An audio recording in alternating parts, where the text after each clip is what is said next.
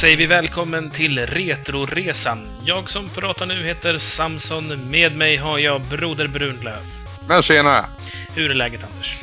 Jo, det är bra. Jag har eh, faktiskt fått en platt-tv idag.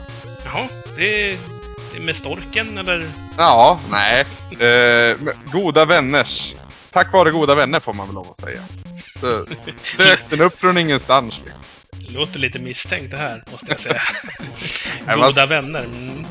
Man ska ha folk som jobbar i rätt butiker kan man konstatera. Ja. Jo, du vet, vänner hjälper dig flytta, goda vänner, de hjälper dig flytta lik. ja, så är det. Ja, eh, hur har veckan varit Anders? Eh, den har varit bra. Den har varit väldigt spännande om man tänker till, eh, till min ja, sagostund som jag ska prata om sen. Det har hänt mycket saker. Och det, jag kan redan nu avslöja att vi kommer inte att se slutet på Final Fantasy 6-sagan i detta avsnitt. Utan eh, möjligen i nästa då. Men eh, ja, det är fortfarande saker kvar att göra.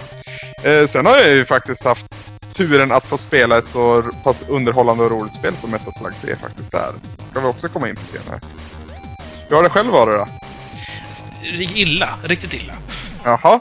Ja, eh, dagen efter vi spelade in sist så fick jag världens jävla förkylning. Som jag fortfarande går och dras med. Så jag är extremt täppt i näsan. Nu, nu går jag ju på typ eh, ja, några liter nässpray och typ fem miljarder näsdukar. Usch. Så att, eh, ja, jag mår ju som jag, som jag har rätt till, eller jag ska säga. Ja, allt skit fryser på vintern, vet du. Så är det. ja, det är, så måste det vara. Det är riktigt jävla illa. Jag nös så mycket så jag sträckte nacken. Aj! Ja, då, då tar man i. ja, nej, men eh, det har inte varit alltför kul. Positivt har ju dock varit att jag har dels haft Metal Slug att ta mig igenom några varv på. Mm. Sen så fick jag också hem Mass Effect 2. Eh, ungefär Ja, jag har sett att du att du har spelat en del av det, ja. Jo, det, eh, det var kul. jag och flickvännen har mer eller mindre streckspelat det och typ, ja, försökt göra allt som går att göra i det spelet. Och jag menar, är man sjuk och hemma och inte något bättre för sig så är det alldeles utmärkt att sitta och söka upp vilsna planeter och hitta grejer i det. Så det, det har jag spelat vid sidan av Metal Slug. ja just det. Spännande. Ja, nog om vad vi har sysslat med. Vad har våra lyssnare sysslat med, vill vi veta. Och därför vänder vi oss och tittar till postsäcken. Jajamän! Uh, Vargavaka har lämnat en kommentar på vår hemsida, retresan.se, och där skriver han att det var ett mumsigt avsnitt förra veckan. Och att det alltid är trevligt med en ny retresa på väg hem från universitetet på fredagar. Eh, han föreslår också då att eh, jag ska göra en avstickare och spela Chrono Trigger innan jag går på Final Fantasy 7. Så kommer det inte att bli kan jag säga på en gång, bara för att sticka han lite. Eh, det kommer bli Final Fantasy 7 som nästa spel. Bara för att jag helt enkelt har ställt in mig på det. Jag har planer att spela Chrono Trigger mycket, mycket snart. Efter det då, så att säga. Ja, det känns väl lite som att, ja, dels så vet vi ju att det är många där ute som väntar på att det ska bli sjuan då, eftersom de många har spelat och vill hänga med i sagan. Precis, och, och du är ivrig också i och med att det är din favorit från serien. Ja. Ja. Men eh, sen finns det ju, eh, alltså, dels så kan det också vara skönt att liksom ta hela Final Fantasy, liksom sviten också. Nej, det, det kommer ju inte bli att jag går tillbaka och tar plock i femman och sen åttan eller någonting sånt. Så som jag ser det så blir det fyran som introduktion. Och sen sexan för pixelperfektion, vilket jag fått. Och sen sjuan då för att alla jävla säger att det är så jävla bra. Då måste jag kolla, är det fortfarande? Sen, sen är jag öppen för, för nya inslag och då är ju Chrono Trigger väldigt lockande. Eh, sen Ja. har vi andra bollar i luften också. Vi har pratat lite om Earthbound och vi har pratat lite om... Eh, Terranigma, precis. det som jag är sugen på. Det har inte jag spelat heller, så det kanske blir en gemensam saga på den. Det vore ju skitkul. Mm. Ja, ja. Eh, tack så mycket ändå, Vargavaka. Och det är jättetrevligt att du gillar det vi håller på med. Jag ska flika in att jag tycker också att du ska spela Chrono Trigger, någon gång i alla fall. Ja, jo. Vi pratade lite om det också i din topp 100-lista. här framme. Ja, det kanske vi gjorde. Eh, Lefyrius hojtar till och frågar om inte vi har lagt till hans kommentar. Och det får du svara på, Samson. Jag tror att den kan ha fastnat bort lite. Vi hade världens spam-attack, som vi har ibland. Ja. Så då får vi lite elaka filter som följd av det då. Ja, precis. Och då, dessa filter är ibland lite väl aggressiva och då kan de råka ta saker. Heta tips, det är att för att vara på den säkra sidan, länka aldrig någonting. om, om ni liksom inte nödvändigtvis måste det. För att länkar är en sån sak som alltid liksom går igenom. Jag, jag orkar inte sitta och analysera dem. Vi får ju kanske 300 spaminlägg om dagen. Ja, men det tyder ju också på att det finns liksom trafik på vår hemsida, så det är ju någonting kul i det också på, på ett sätt. Ja, man kan se det så. Det är inte lika kul för mig som måste gå in dagligen och rensa bort 300. Jag tänker inte sitta och kolla igenom alla 300 för att hitta någons inlägg där. Utan tyvärr så är det... Vi får skylla på ja, Ryssland, verkar det som. Det är, det är Ryssland och Holland. Det är därifrån den trafiken kommer, har jag märkt. Visst hade Radio Speltorsk också några nå ryssar efter sig, eller hur fan var det? Fast det var väl med en maffiauppgörelse, tror jag, mellan Sebastian och någon Vladimir någonstans. ja, det är inte alls omöjligt. Uh, Lefirius skriver också att eh, han undrar om jag kommer få något straff när det nu var du som klarade Metal Slug 3 först. Och det kan jag också direkt svara på att eh, nej, det kommer jag inte få. Jag tror att vi gör gott i att inte tävla sinsemellan som vem som klarar spelet först. Utan, ja, vi, vi har ju... Det här är ju våran fritidssyssla och då gäller det att hitta tid till det. Och du hittar ju tid tidigt och jag hittade lite senare i veckan. Eller ja, Det hjälper ju att vara sjuk också. Ja. det förstår jag. Sen har vi Tuve på våran forumtråd på loading och han visar upp väldigt fina bilder på sin pärlplatta som han pratade om att han, han la tidigare. Mm, det, Och det- det är en, en Triforce från eh, original NES 8-bits-serien, va? Mm. Eh, det, den, alltså, den är pixelperfekt, där en pixel representeras av en nio pärlor stor. Tycker det ser ut som jag tittar på bilden. Ja, mina, just. mina pärlplatteögon där, vet du. ja, du som är lite bevandrad i ämnet så att säga. Ja. Eh, jag har också i samma tråd faktiskt gett en länk till en eh, DeviantArt-sida där jag har lagt upp några av mina plattor. Man kan titta om man vill. Ja, just det. Det är alldeles för mycket av ett sidospår och alldeles för lite tv-spel, så det är ingenting som jag drar in på retoresan.se känner jag. Nej, men eh, om ni är sugen på att kika på det här så är det alltså vår forumtråd på loading.se. Och där har vi faktiskt en länk på, på vår hemsida. va? Det Så- har vi däremot, ja. På vårt Gameplay-forum så har Fiskpinnen eh, diskuterat lite till, kring eh, piratkopiering.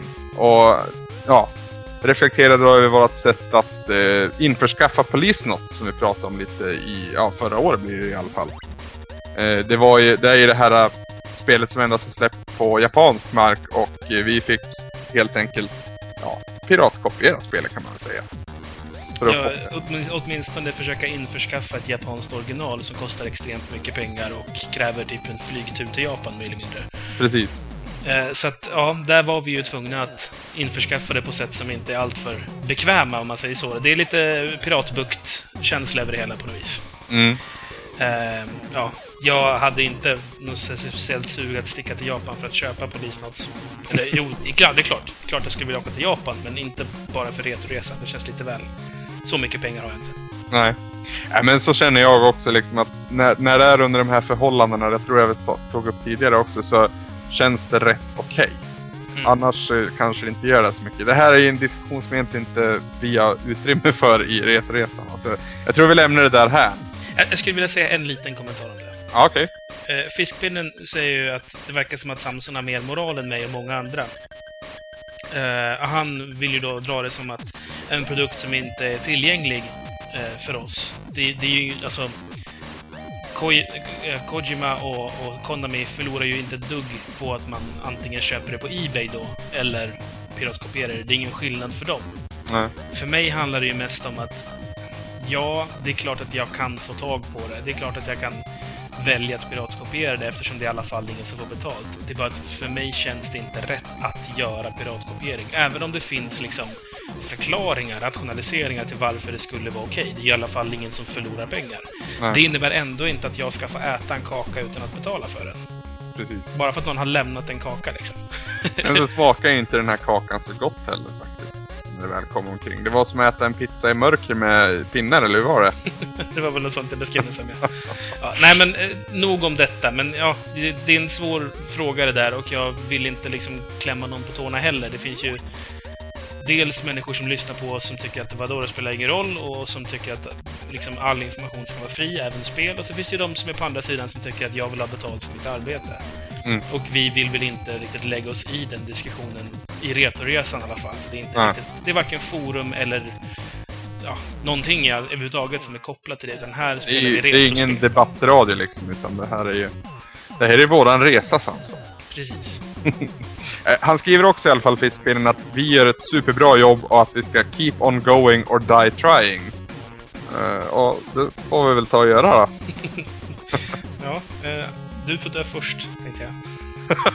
Ja, du är ju äldst, så tekniskt sett. Ja, fast det är så kallt där du bor. Det är mycket högre risk att du dör av någonting annat där uppe. Tänk att Ja. du vet, björnar ute i skogen och allt fan sånt. Ja, Men du vet, då blir jag immun, eller immun, men då bygger jag upp ett bättre immunförsvar än dig. Ja, i och för sig kanske det. Å andra sidan så har jag ett stenkast eh, till Rosengård också, så man vet inte. Precis. Skitsamma. Aloysius har ju också flikat in lite på gameplay, lite off topic här då, och då säger han att Super Macho Man är väldigt lik eh, den här eh, maffiaadvokaten Thomas Martinsson. Och så har han ju faktiskt lagt upp eh, länkar till de där bilderna, eller en jämförelse. Så de får ni gärna gå in och kika på. Det var ju rätt rolig observering måste jag säga. Ja, alltså otroligt lik. Alltså det är ju, det är ju Supermatch Man upp i dagen. Frisyren och allt. Ja, det ser jag vart man hämtar inspirationen ifrån. Om det är han som har hämtat Super Macho Man eller tvärtom, det, det låter jag osagt. Jag tänker mig att han nog lirade Matchman på 80-talet. Alltså. Ja, precis. Och tyckte att han var jävligt ball. Eller så har han missförstått att hans typ barn kollade på wrestling och de gillade Macho Man i wrestlingen. Ja, just det. Randy Savage. Och så tänkte han, ah, okej, men jag ska som Randy Savage. Och så typ kollade han upp det så hittade han Super Match Man och tänkte, okej, men det är den stilen jag ska ha. Helt missförstått alltihopa liksom. Ja, ja vi har fortfarande inte klarat han. Fortfarande inte nej. Nej. Ja, vi får se. Kanske nästa år. ja, men det var allt för den här veckan eh, i form av postväg Samson. Då går vi in lite på veckans spel.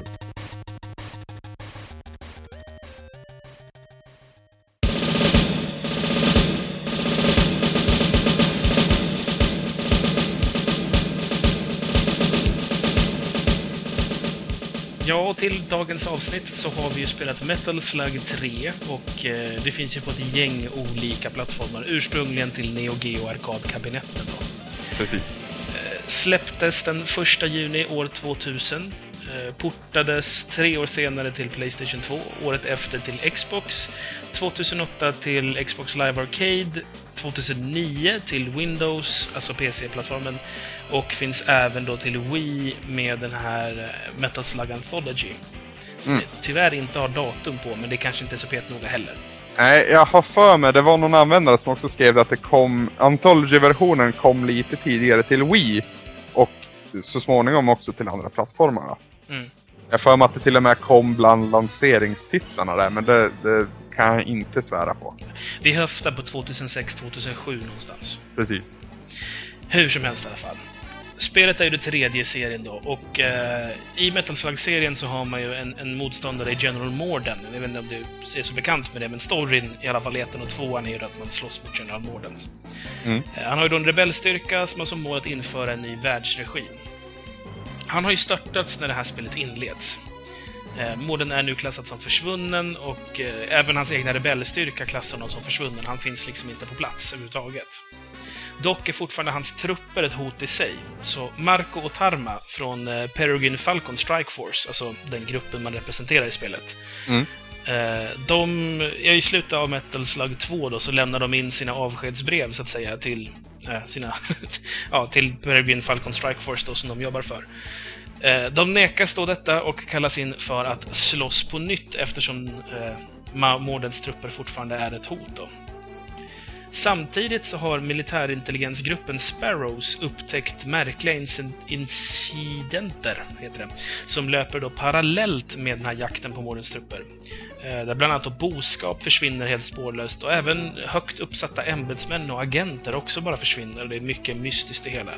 Eh, man har även hört liksom historier om någon slags overkligt stora djur, eller varelser i alla fall, som eh, uppträder då på mystiska områden i olika platser i USA. Mm. Eh, Vi inträder då rollen som Marco Tarma, som också då får hjälp av två agenter från Sparrows. Och eh, vi ska helt enkelt eh, gå till roten med detta. Dels ta sig an mordens trupper, men också reda ut vad det är som händer med de här märkliga incidenterna. Ja, eh, mycket story är det inte. Nej, det lät ju som det är nu, men alltså det är ju mest upptakten och sen är det ju ett, ett run and gun-spel skulle jag klassa det som. Eller ja. Ja, storyn är ju mest bara någonting som finns där för att ha... Det, det, fin, det finns ju en röd tråd man kan följa i spelet och det går ju att berätta vad som händer som en berättelse, även om den är liksom Man kan spela hela spelet och inte märka det här överhuvudtaget, om man Mm. så vill. Mm. Eh, det som finns i, i Xbox 360-versionen så finns det ju achievements. Och då finns det ju till exempel achievements för att hitta till exempel eh, någon ämbetsman eller presidenten och sånt där. Mm. Eh, Och där får man säga, ja ah, okej, så han har varit kidnappad av något slag. Då får man liksom lite inblick i att det inte bara är så här, spring och döda allt som du möter. ja, run and gun som sagt. Spring från vänster till höger och skjut allt du ser och undvik att bli dödad. Mm. Eh, vi tar och börjar med det ytliga. Så då tar vi och tittar på lite grafik. Och där bollar jag över till dig Anders. Hur tycker du att spelet ser ut och rör sig? Jag tycker det ser helt fantastiskt ut. För att inte överdriva. Faktiskt, alltså man, jag, första gången jag kom i kontakt med Metal Slug, nu kommer jag inte alls ihåg vilket av dem det var, men det var ju i en arkadhall, jag tror det var till och med på Leksands sommarland. Vi åkte, vi åkte ofta dit på semester, jag och min familj. Och då någonstans så har jag för mig att jag spelar Metal Slug och jag tyckte det var skitsnyggt. Och sen har det ju vuxit fast i hjärnan, det var ju också därför jag la pengarna på Metal Slug Anthology till Wii som jag sen inte har rört. Av någon outgrundlig anledning. Men eh, när jag, när jag startar upp det igen va, och, och ser det jäkla fint. Både det ser ut när det står still så att säga men även i rörelse och hur explosionerna är uppbyggda. Och liksom, det är sån distinkt känsla av Metal Slug 3 och det känns tungt och härligt och ordentligt på något vis.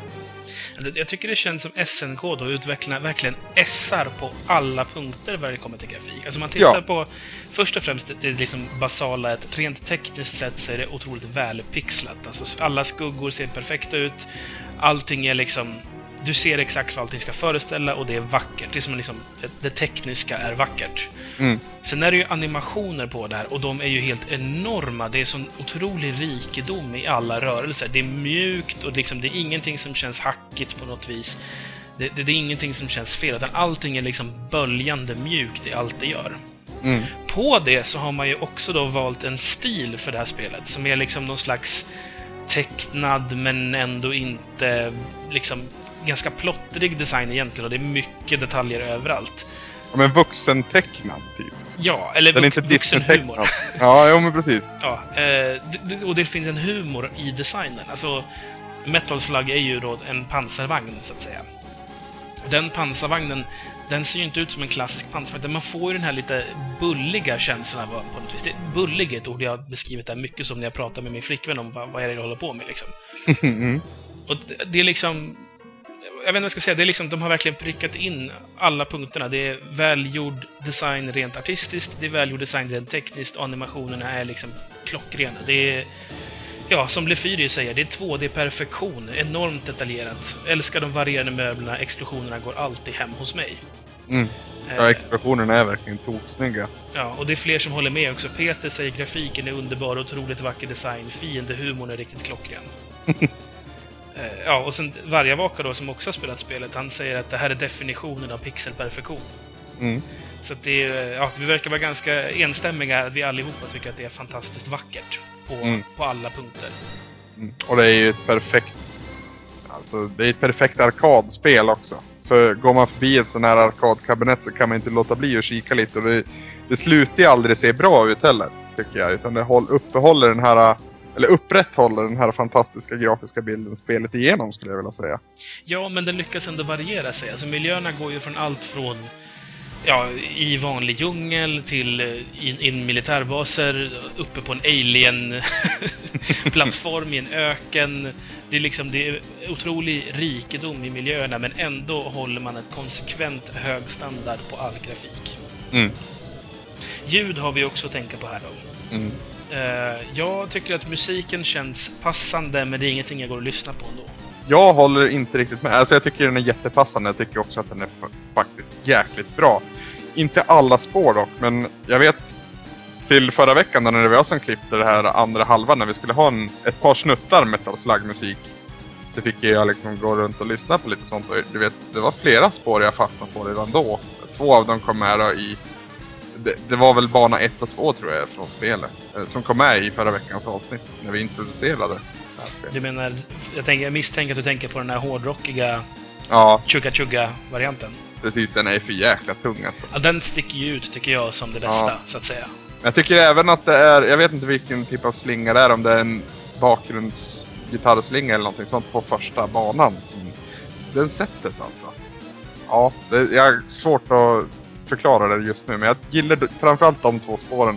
Sen tycker jag inte att det riktigt dimper jättelångt ner heller, utan den ligger på en helt klart godtycklig nivå spelet igenom. Men just de två spåren tycker jag är exceptionellt bra. Jag skulle vilja säga att allmänt är... Det håller en hög kvalitet, men det är inte någonting som sticker ut som någonting fantastiskt, skulle jag återigen vilja upprepa. Men det, ja, det är väl olika. Jag, Ja, eh, vi, jag håller kan, vi, kan, vi kan ju säga så här Samson, det är inte Mega Man bra. Nej, det är det ju inte. Och det är väl För att vara extremt tjatiga. Ja, men det finns, det finns inte Zelda bra heller, om vi säger så. Nej. För att vara tjatiga på ett annat sätt. Eh, Lufirius påpekar eh, ljudeffekten också. Mm. Eh, till exempel att de ropar ju ut vad man får för vapen. Hans exempel är ju Heavy Machine Gun. eh, Lufirius säger också att det är bra att man har, man har bra musik, men den tar inte över ljudeffekterna. Nej. Och eh, han påpekar någonting som inte jag hade tänkt på, men som är väldigt viktigt också. Eh, man blir inte less på skjutljudet, även om man hör den extremt ofta. För, alltså det skjutljudet som man hör konstant spelet igenom, för du slutar ju aldrig skjuta det här spelet. Nej. Det blir man ju faktiskt inte less på av någon anledning. Ja. De har hittat något jävligt bra ljud där som känns riktigt rätt. Ja, framförallt så tar det ju, som man säger, det tar inte upp så mycket av eh, ljudbilden. Man, man hör det, men det är inte påträngande. Men samtidigt tycker jag att det finns en ett umf på något vis i det. det, Ja. det alltså, du känner ju när du drar iväg något rejält. Framförallt då när man zombiekräks lite. Ja, Anders, jag tänkte vi kanske skulle prata lite om alltså, vad det är man gör i det här spelet. För vi har ju sagt run and gun och det, det är ju många som vet vad det betyder. Men, men det är ju inte bara att man springer och skjuter, utan det finns ju lite mer. här. Jag tänkte vi kanske ska gå in och ta det från grunden ifall att det är någon som inte hänger med i vad det är vi pratar om. Mm. Eh, Du styr alltså en gubbe eller då en varsin ifall man spelar co-op, för man kan ju köra det också. Mm. Hittar du någon att spela co-op med Samson? Jag har lirat dels med flickvännen, som inte var så jättebra. Nu pratar jag lite tystare här. Eh, Sen har jag även eh, spelat lite online, dock ingen av våra lyssnare. Det var ju Eh, synd. Det var jättesynd. Jag la upp min, min gamertag i hopp om att det var någon som skulle säga Nej men du, det har jag. Men jag har fått svar från folk att här, jag har det redan på en annan plattform, känner inte för att betala en gång till för spelet. Och det, men det är helt okej. Typ min historia då. Ja. Men, Som eh, inte var så okej, tyckte du i alla fall. Ja men du, vi, vi gör ju en podcast. Det är helt annat. Det här är- De där är lyssnare. Ja, just det. Ja. Så, så då sätter du det över dem då helt plötsligt. Nej, men du och jag, vi producerar, de konsumerar. Konsumenten behöver inte ta del av det på samma sätt. Jag är bara dryg, hör. Ja, det gör jag väl. När jag är förkyld och allt. Det är inte snällt av dig. Eh, ja, så klarar jag hjärnan. Nej, men... ehm, jo, eh, som sagt, det är fullt med fiender som kommer mot dig från alla håll och kanter. De skjuter och du ska helt enkelt ta dig fram. Det är i princip ett plattformsspel, fast utan så jättemycket plattformande. Och just i det här spelet, den här run and gun-spelet, så är det extremt lite plattformande skulle jag vilja säga. Mm. Alltså du hoppar ju, men du hoppade nästan aldrig för att ta dig fram, utan du hoppar ju för att undvika skott främst. Ja. Till skillnad från till exempel då Contra 3, framförallt, som jag tänker på. Mm. Eh, som handlar mycket mer om att du ska liksom manövrera dig genom miljön. Här handlar det mest om att manövrera dig genom kulhelvetet. eh, ja, men sen så, spelet varierar sig en hel del här också då. Eh, dels i, i att eh, vissa banor så ska du inte längre gå, så att säga, från vänster till höger, utan du kan till exempel simma, som uppträder med några banor. Mm. Eh, där man då, ja, Mario-aktigt simmar fast man kan fortfarande skjuta. Så det blir nästan lite sidskrollande, alltså bullet hell shooter med flygplan, typ Gradius. Mm. Eh, nu är det här dock Neo Geo, så man kan inte bara vara enkel och låta det scrolla, utan här ska det ju vara lite mer avancerat. Så att här går det ju upp och ner i dalar och kullar och allt fan vad det är. Ja men det märks verkligen att man sitter, det känns alltså av de spel vi har spelat, eh, bortsett ett, en handfull kanske, så känns det verkligen att det här är en lite tyngre konsol.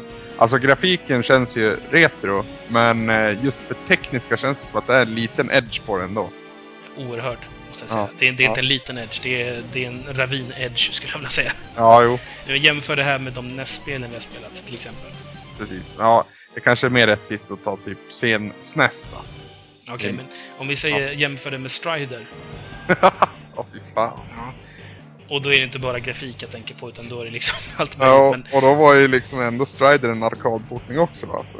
mm, visserligen några år tidigare, men ja. Ja, vad kan man säga mer då? Eh, någonting som också händer i det här spelet en hel del, det är ju att man går in i fordon, eller man kan också till och med bli en zombie. Mm. Båda två är ruskigt kul faktiskt.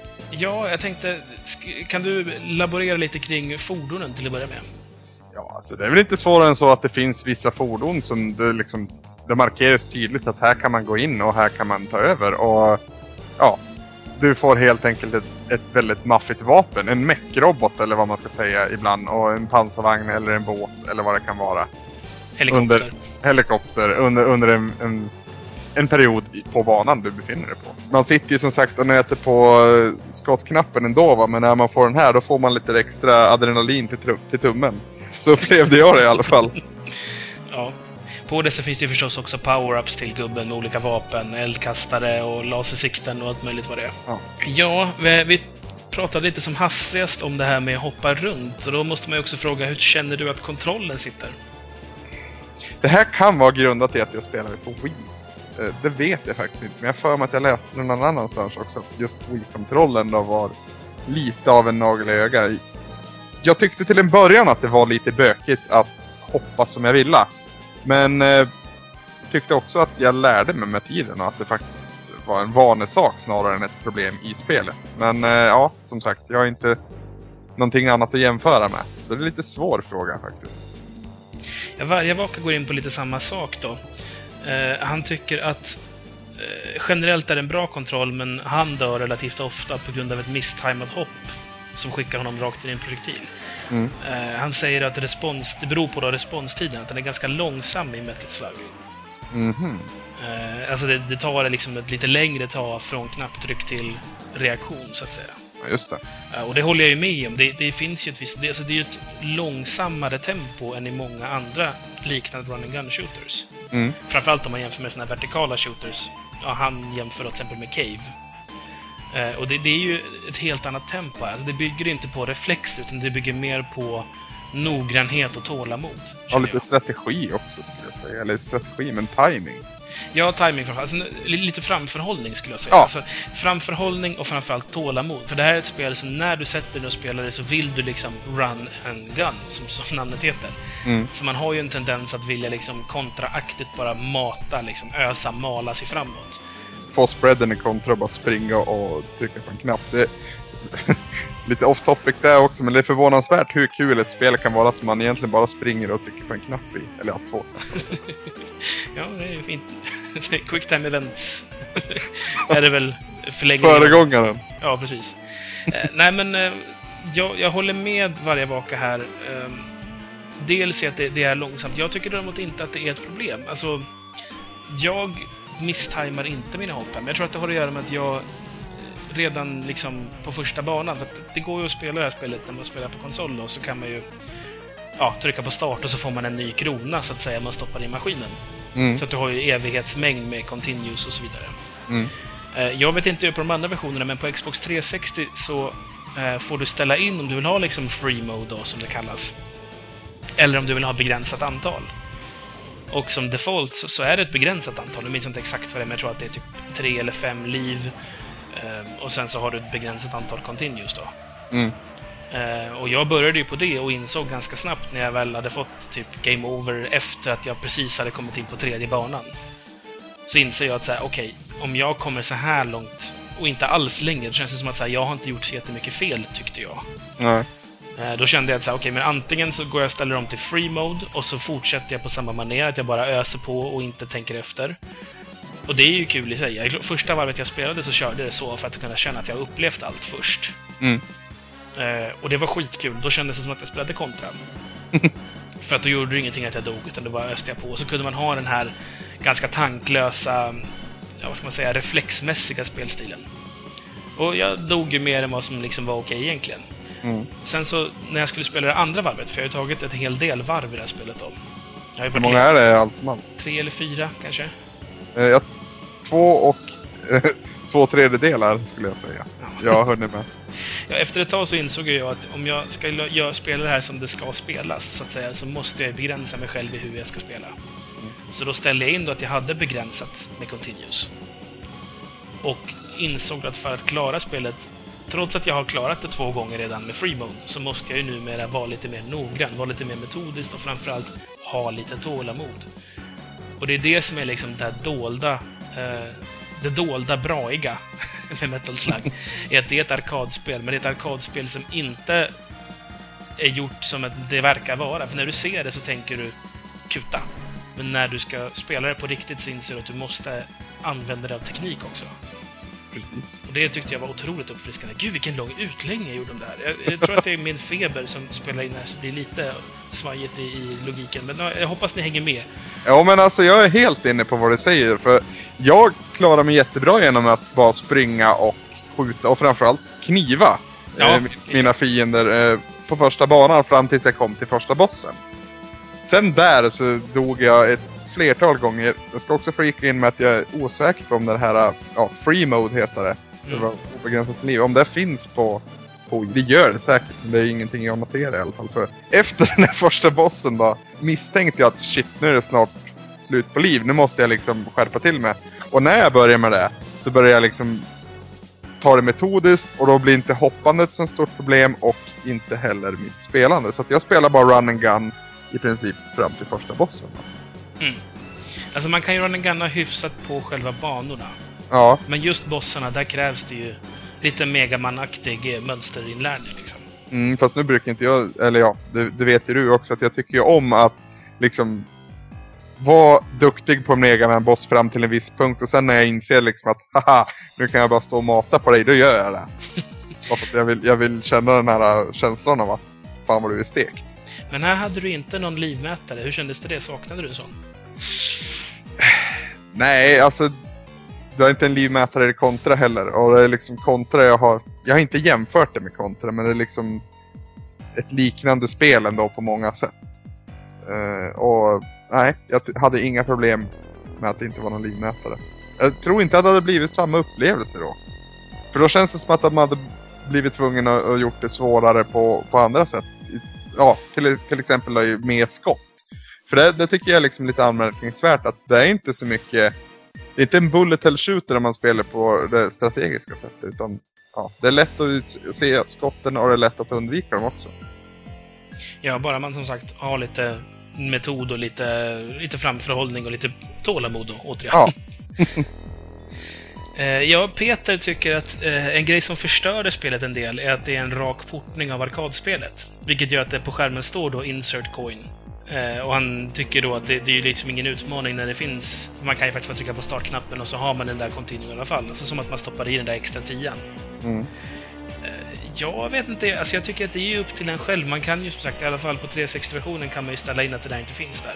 Men att det står Insert Coin i bild, det blir jag bara varm i hjärtat av. Mm, jag också. Samma känsla som det står insert coin i typ tecken. Ja, precis. det gör att man känner att så här, åh, jag fuskar lite. Jag har det hemma, haha. ja, det känns som man har, det känns som man har en hemmabio ungefär. Ja, faktiskt. Det är 80-talsbarnens version av det. Eh, ja, Lefyrius eh, pratar också lite om gameplay och han tycker att eh, han saknar plattformshopp. Eh, och tycker att man kanske kunde haft ett pussel eller två med. Eh, dock så kanske det skulle kunna förtära shooterkänslan, så han är lite kluven där. Vad säger du? Skulle du kanske vilja ha något pusselmoment någonstans?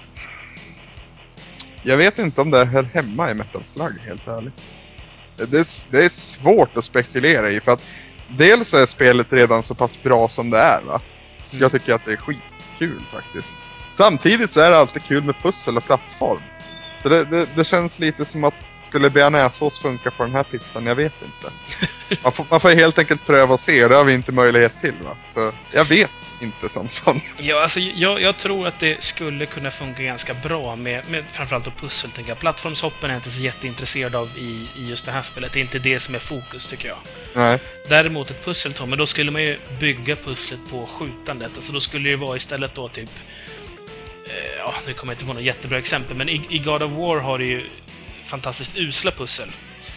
För att ta liksom också ett spel som har ett inklämt pussel någonstans. Där det är så här, du går och slaktar demoner, helt plötsligt så ska du placera stenblock i ett mönster som är lite pusselbyggande. Mm. Och det, det, det är ju helt värdelöst skittråkigt och man fattar inte vad fan har det här med liksom gudakrig att göra. Det är ju för att skifta tempo. Ja. Måste det ju vara. Det är antagligen det också. Eh, det känns som att det man hade kunnat gjort här i så fall, det är att man har liksom att du ska ta ut punkter av någonting strategiskt en och en och du får typ en hint om typ först måste du ta den blåa och sen den röda och sen den gröna och sen den gula. Och om du gör det i fel ordning så funkar det inte. Typ något sånt. Mm, eller att om man tog det i rätt ordning då bara så, så fick man något skitgrymt vapen under en, en viss stund av banan. Det hade ju varit kul. Ja, kanske något Och sånt. misslyckades man så var det inte mer med det här utan då var det bara att fortsätta med banan som den var va? Ja. Jag tänker lite på ehm, Alien Hominid, som också finns. Det är ett flashspel från Just det. Ja, det finns på, på Xbox Live också va? Ja, precis. Det är där jag främst har spelat idag. Jag tror jag spelade demo faktiskt. Ja, det, är, det är ett liknande spel, också fantastiskt roligt och snyggt, fast en Ja. helt annan stil då. Men eh, i Alien Hominid så har du ju den sortens pussel inslängda lite här och där. Att det är liksom shooter-pussel, och det funkar faktiskt. Mm. Eh, alltså, jag, jag tror att det finns någonting i det Delefyrio säger, att det, det, sk det skulle vara kul med någonting sånt också. Dock så tycker jag att spelet är ganska varierat som det är. Mm. Det, det är absolut ingenting jag saknar när det gäller liksom plattforms eller spelupplägget i övrigt. Det, det är lite kort i och för sig då, men det är ju en arkadsportning liksom, så de är inte så långa. Ja. Eh, Tycker du att det märks mycket att det är en arkadportning? Känns det som, jag vet att det var någon annan användare som skrev det, att det känns att här ska man eh, peta i mycket pengar för att få klara spelet. Ja, Lefyrius säger att det är en arkadutmaning, man ska spendera mycket pengar. Ja. Eh, han säger också som så, ett bra spel enligt mig ska definieras av att man inte ska skylla på kontrollen när man dör, och det gör man inte i Metal Slug 3. Nej. Så att ja, visst finns det eh, arkadmoment i att det är gjort för att du ska stoppa i så mycket slantar som möjligt. Men du dör ju för att det, du gör fel, inte för att det är fel på spelet, så att säga. Precis, jag tycker det är ett bra pengasugande spel. För att om man spelar det på fel sätt då får man böta mycket. Väldigt, väldigt mycket för att klara det. om man nu fortfarande står kvar i arkadhallen. Men den som inte hade så mycket pengar att röra sig med, den här lilla underdogen, den här fattiga killen. Som, som kom dit och lärde sig spelet och förstod liksom att ta det lugnt, ta det metodiskt, så tar jag mig mycket längre för mina surt besparade pengar. Han fick också... Han fick någonting för det va? Mm. Så det, det ja, jättebra på det här sättet. Ja, Vargavaka pratar liksom också om det här då att det fanns liksom en naturlig ribba i, i en barriär i att plånboken blir tom och så kan man liksom inte fortsätta något mer idag. men, men om man liksom regelbundet sparar ihop så blir det en utmaning att flytta den här ribban för hur långt man kan komma på en plånbok. Mm. Eh, och han tycker då att det blir problem här för att i en portning så försvinner det här elementet. Eh, och då blir det liksom otillfredsställande. Eh, han tycker att de löste lite bättre i Karugua, eh, där, man kunde, där standardinställningen är 5 continues delat över två spelare. Han hittar inte någon sån inställning i sin version och det är PS2-versionen. Den finns i 360 som sagt, som jag har spelat i alla fall. Mm. Så Ja, var, eh, varje vaka, 360-versionen kan du få en genuin upplevelse om du vill. Där kan du bestämma hur mycket pengar du har i plånboken, så att säga. Mm. Ja, Anders, vi nämnde ju att det var liksom vid första bossen som man började upptäcka att det inte gick bara masa, eller, mala på, så att säga.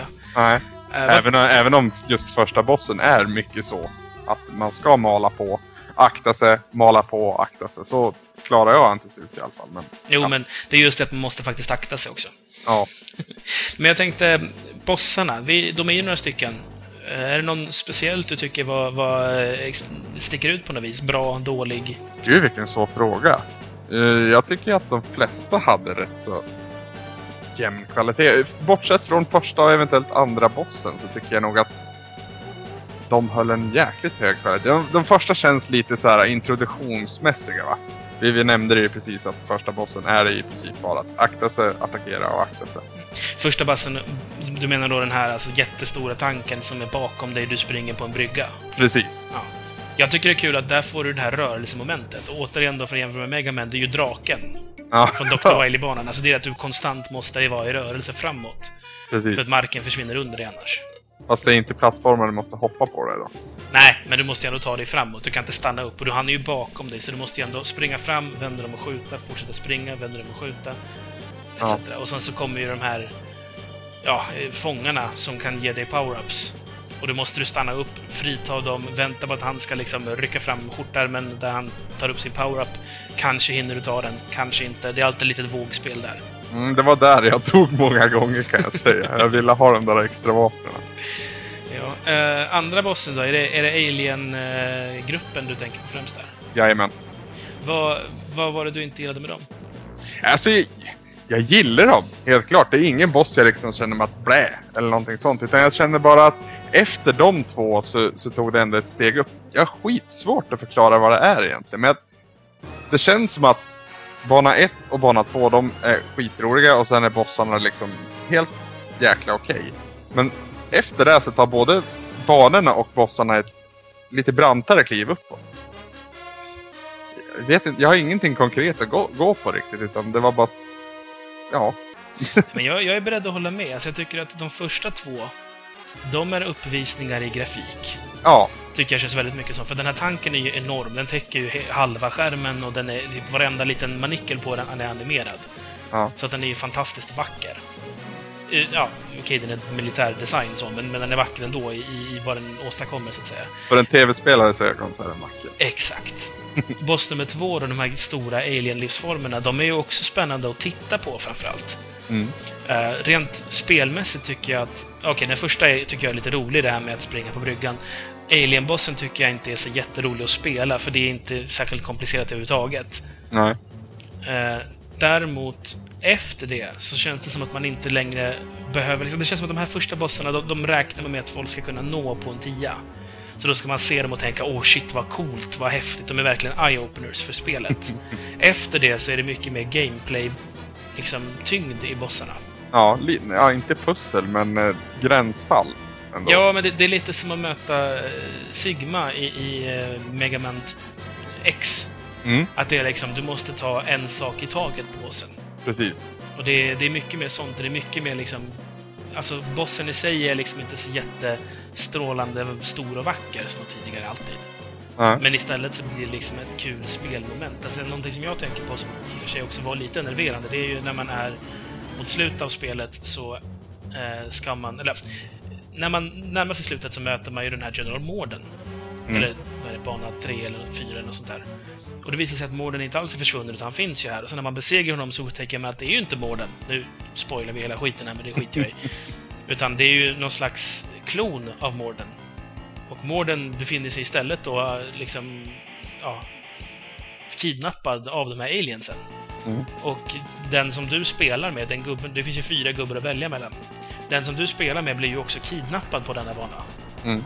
Och då får man välja en ny gubbe och så ger man sig upp man går faktiskt ihop med Mordens rebellstyrkor och får hjälp av dem och så skjuts man upp i rymden.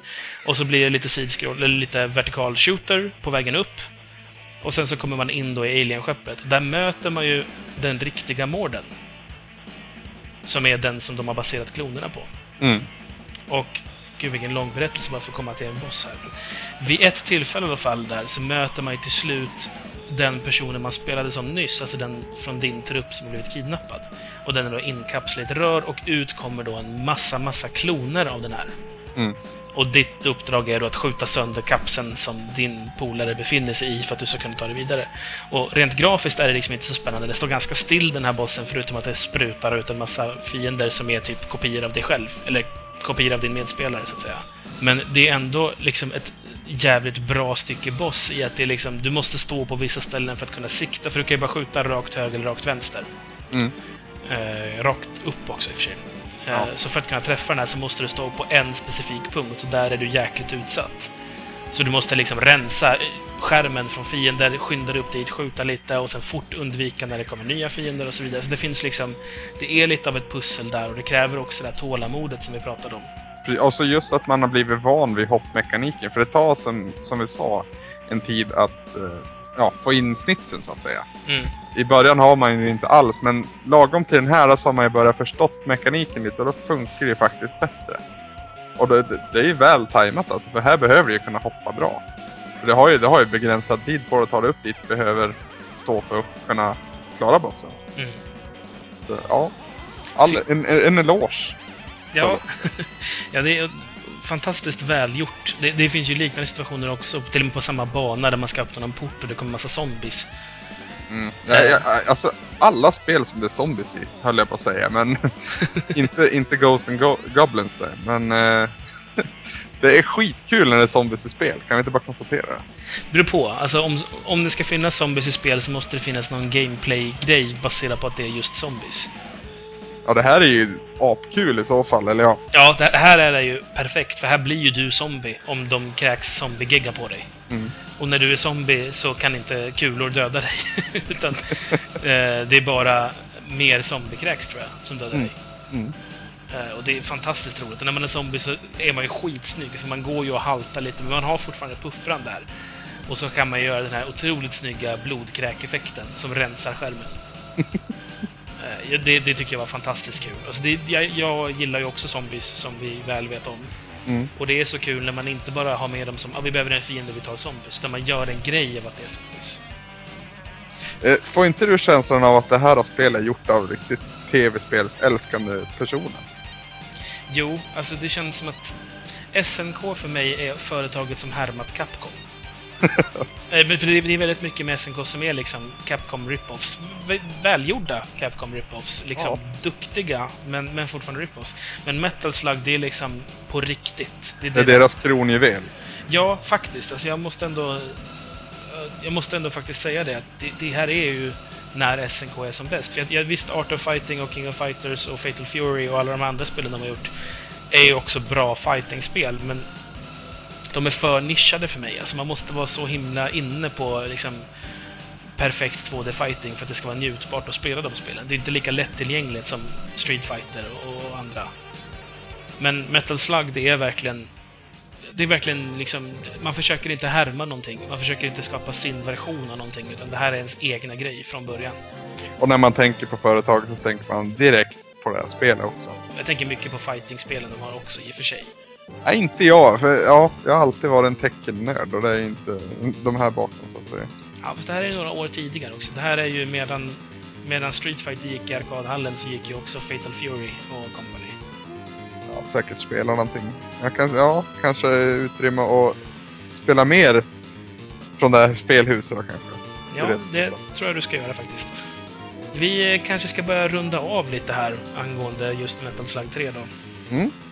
Eh, Jag tänkte vi ska börja med att titta lite på vad lyssnarna eh, drar för slutsatser om spelet. Yes. Lefyrius tycker att har man spelat ett så har man spelat dem alla och det är de små sakerna som gör det. Eh, Det här är spelet som introducerar mest av det som vi tycker är metal slug idag.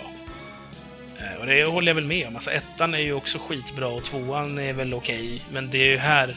Alltså det är inte för intet som det är trean som finns separat, medan de andra liksom mest finns i Ontology-versionen. Mm. Eh, sen så ställer Lefyrius också en fråga.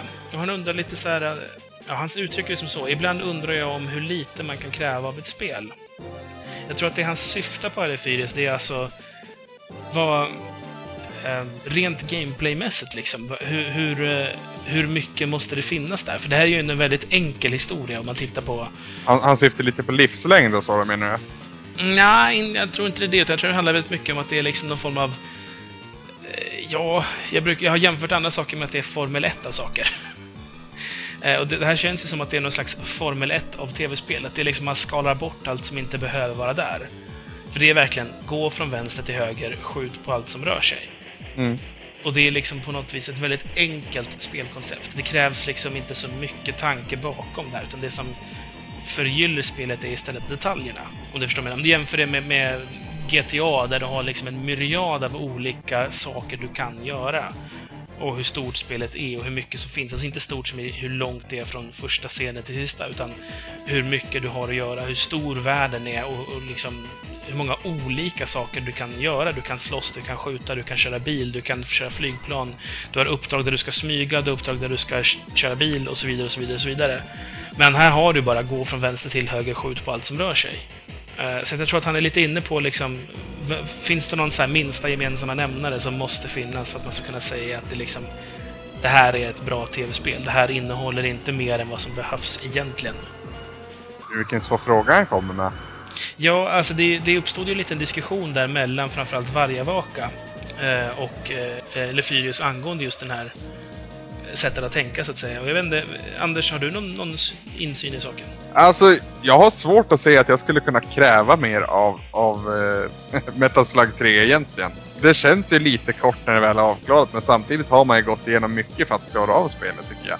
Och så är det ju, man är ju väl medveten om att det är ett arkadspel det handlar om. Hade det varit så att det här var utvecklat enbart för konsol och inte hade den här insert coins blinkningen så hade man nog kanske också krävt lite mer. Jag vet inte. Ja, alltså jag vet inte riktigt. Eh, om- ja, jag är, jag är inte riktigt beredd att hålla med dig, för jag tycker inte spelet känns så kort ändå. Alltså, det känns kort i att det är bara fem banor. Mm. Men det finns väldigt mycket att göra på de fem banorna. Man kan ju välja alternativa vägar här och där också. Man väljer att till exempel dyka ner i vattnet eller gå upp på bergen. Man väljer att gå in i pyramiden eller gå ovanpå den. Ja, just det. Eh, Så det finns ju liksom mycket att utforska. Det är ju bland annat därför jag har spelat flera varv på det, för att kunna få känna att jag har spelat alla moment. Eh, Men utöver det så tycker jag att alltså, det finns... Det, det behöver liksom inte vara så. Det är fem banor, varav den sista banan är jävligt lång, ska tilläggas. Den är nästan tre banor i sig. Mm. Alltså kontra tre då, om vi tar alltså, Super Probotector. Det är sex banor i det spelet. Och det är liksom inte mer än eller sju kanske det är. Det är i alla fall det är få banor i det spelet. Mycket färre än vad man minns det som. Och För att man gjorde om så jävla många gånger. Ja, men också för att det behöver inte vara så mycket längre. Det är alltså en kort, intensiv spelperiod. Och den, den ska inte vara längre, tror jag, för då blir den liksom uttjatad. Så jag tycker inte att det är någonting som jag hade krävt annorlunda av ifall det var utvecklat för hemmabruk främst. Om jag ska faktiskt syna mig själv i fogarna här. Jag, jag tycker att spelet håller som det är. Jag behöver inte ha det längre bara för att det ska inte vara en arkadportning, så att säga. Ja, eh, Vargavaka svarar i alla fall på Lefyrius tanke här. Han säger att eh, han tycker inte att spel i stil med Metal Slug gör lite. Han tycker att shooters och run and guns är visserligen nischade med en stark fokus på spelmekanik, mindre på historiebyggande och liknande. Eh, Men han ser liksom inget fel med det. Shadow the Colossus och Portal är även spel som gör liksom en grej, men gör det jävligt bra. Eh, Väldigt bra exempel där måste jag säga. Ja, faktiskt. Det, det, det, men det är ju samma princip där också med det här med spelmekanik. Eh, och Lefyrius svarar liksom också att ja, men Metal Slug är liksom essensen av ett spel. Eh, han ursäktar sig för att det kanske var en liten dum kommentar från hans sida, men det, det var väl framförallt dåligt formulerat då. Men eh, det är svårt att hitta spel som är mer fokuserade på spelmekanik än Metal Slug. Eller Ikaruba, som han tar upp också då. Mm. Ja, det sätter han huvudet på spiken ordentligt. Ja, och han jämför till exempel då med Shenmue eller ja, andra spel som har liksom otroligt mycket mer att göra. Med, men det blir liksom en helt annan grej. Ja, det blir, inte, det blir inte lika finslipat då. Det blir inte det. Ja, eh, ja han, han säger också att man kanske ska tänka på spelmekanik kontra story och upplevelse som någon slags yin och yang. Mhm, just det. Eh, han tycker till exempel att Metal Slug var ett ytterligare ett perfekt komplement till Endless Ocean 2. som, som just Lefyris då har spelat i samklang med varandra. Och eh, ja, det är klart. Jag tycker dock att Metal Slug står bra på egna ben. Ja, det tycker jag. Nu har jag spelat, nu har jag spelat Final Fantasy kontra Metal Slug, så jag har ju fått min story verkligen där och istället. Och jag har spelat Mass Effect 2, så jag vet inte, jag kanske inte... Det kanske är lite bli, förblindade här, jag vet inte. jag, jag tror inte det, men det kan vara så. Sen kan det ju faktiskt vara så här också att Metal Slug är och är tänkt att vara ett spel som man inte ska behöva ha så mycket. Men det är ett, ett spel som handlar om att springa och skjuta, punkt slut. Det- Det är inte mer och det är inte mindre och det räcker gott och väl så, säger jag. Jag gillar att det finns faktiskt en, liksom, en historia att följa också om man vill. Ja, jo, Men, klart. men i, i kontra så fattar jag ingenting om varför jag är på det ena stället och sen på det andra stället. Det är bara jävligt coolt. Här Ja. finns det ju en förklaring till varför jag helt plötsligt är på det här stället och varför jag tar mig dit och vad det är jag håller på med nu. Mm. Eh, ja, jag tänkte vi, vi fortsätter runda av här, för det var det vi försökte göra från början. Vargavaka säger att Metal Slug 3 är troligtvis mitt favoritspel i serien. Det var det första jag spelade igenom, men jag tror inte, men jag tror inte det är därför det är så. Eh, Metal Slug 3 är det första spelet i serien med många olika vägar och det sista med en koherent historia, med fokus på General Morden och de här Mars People då.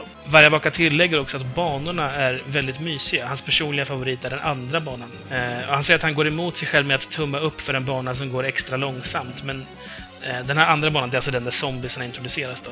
Den Mm. kompenserar med väldigt mycket stämning och en kul slutboss. och så än en gång grym musik då.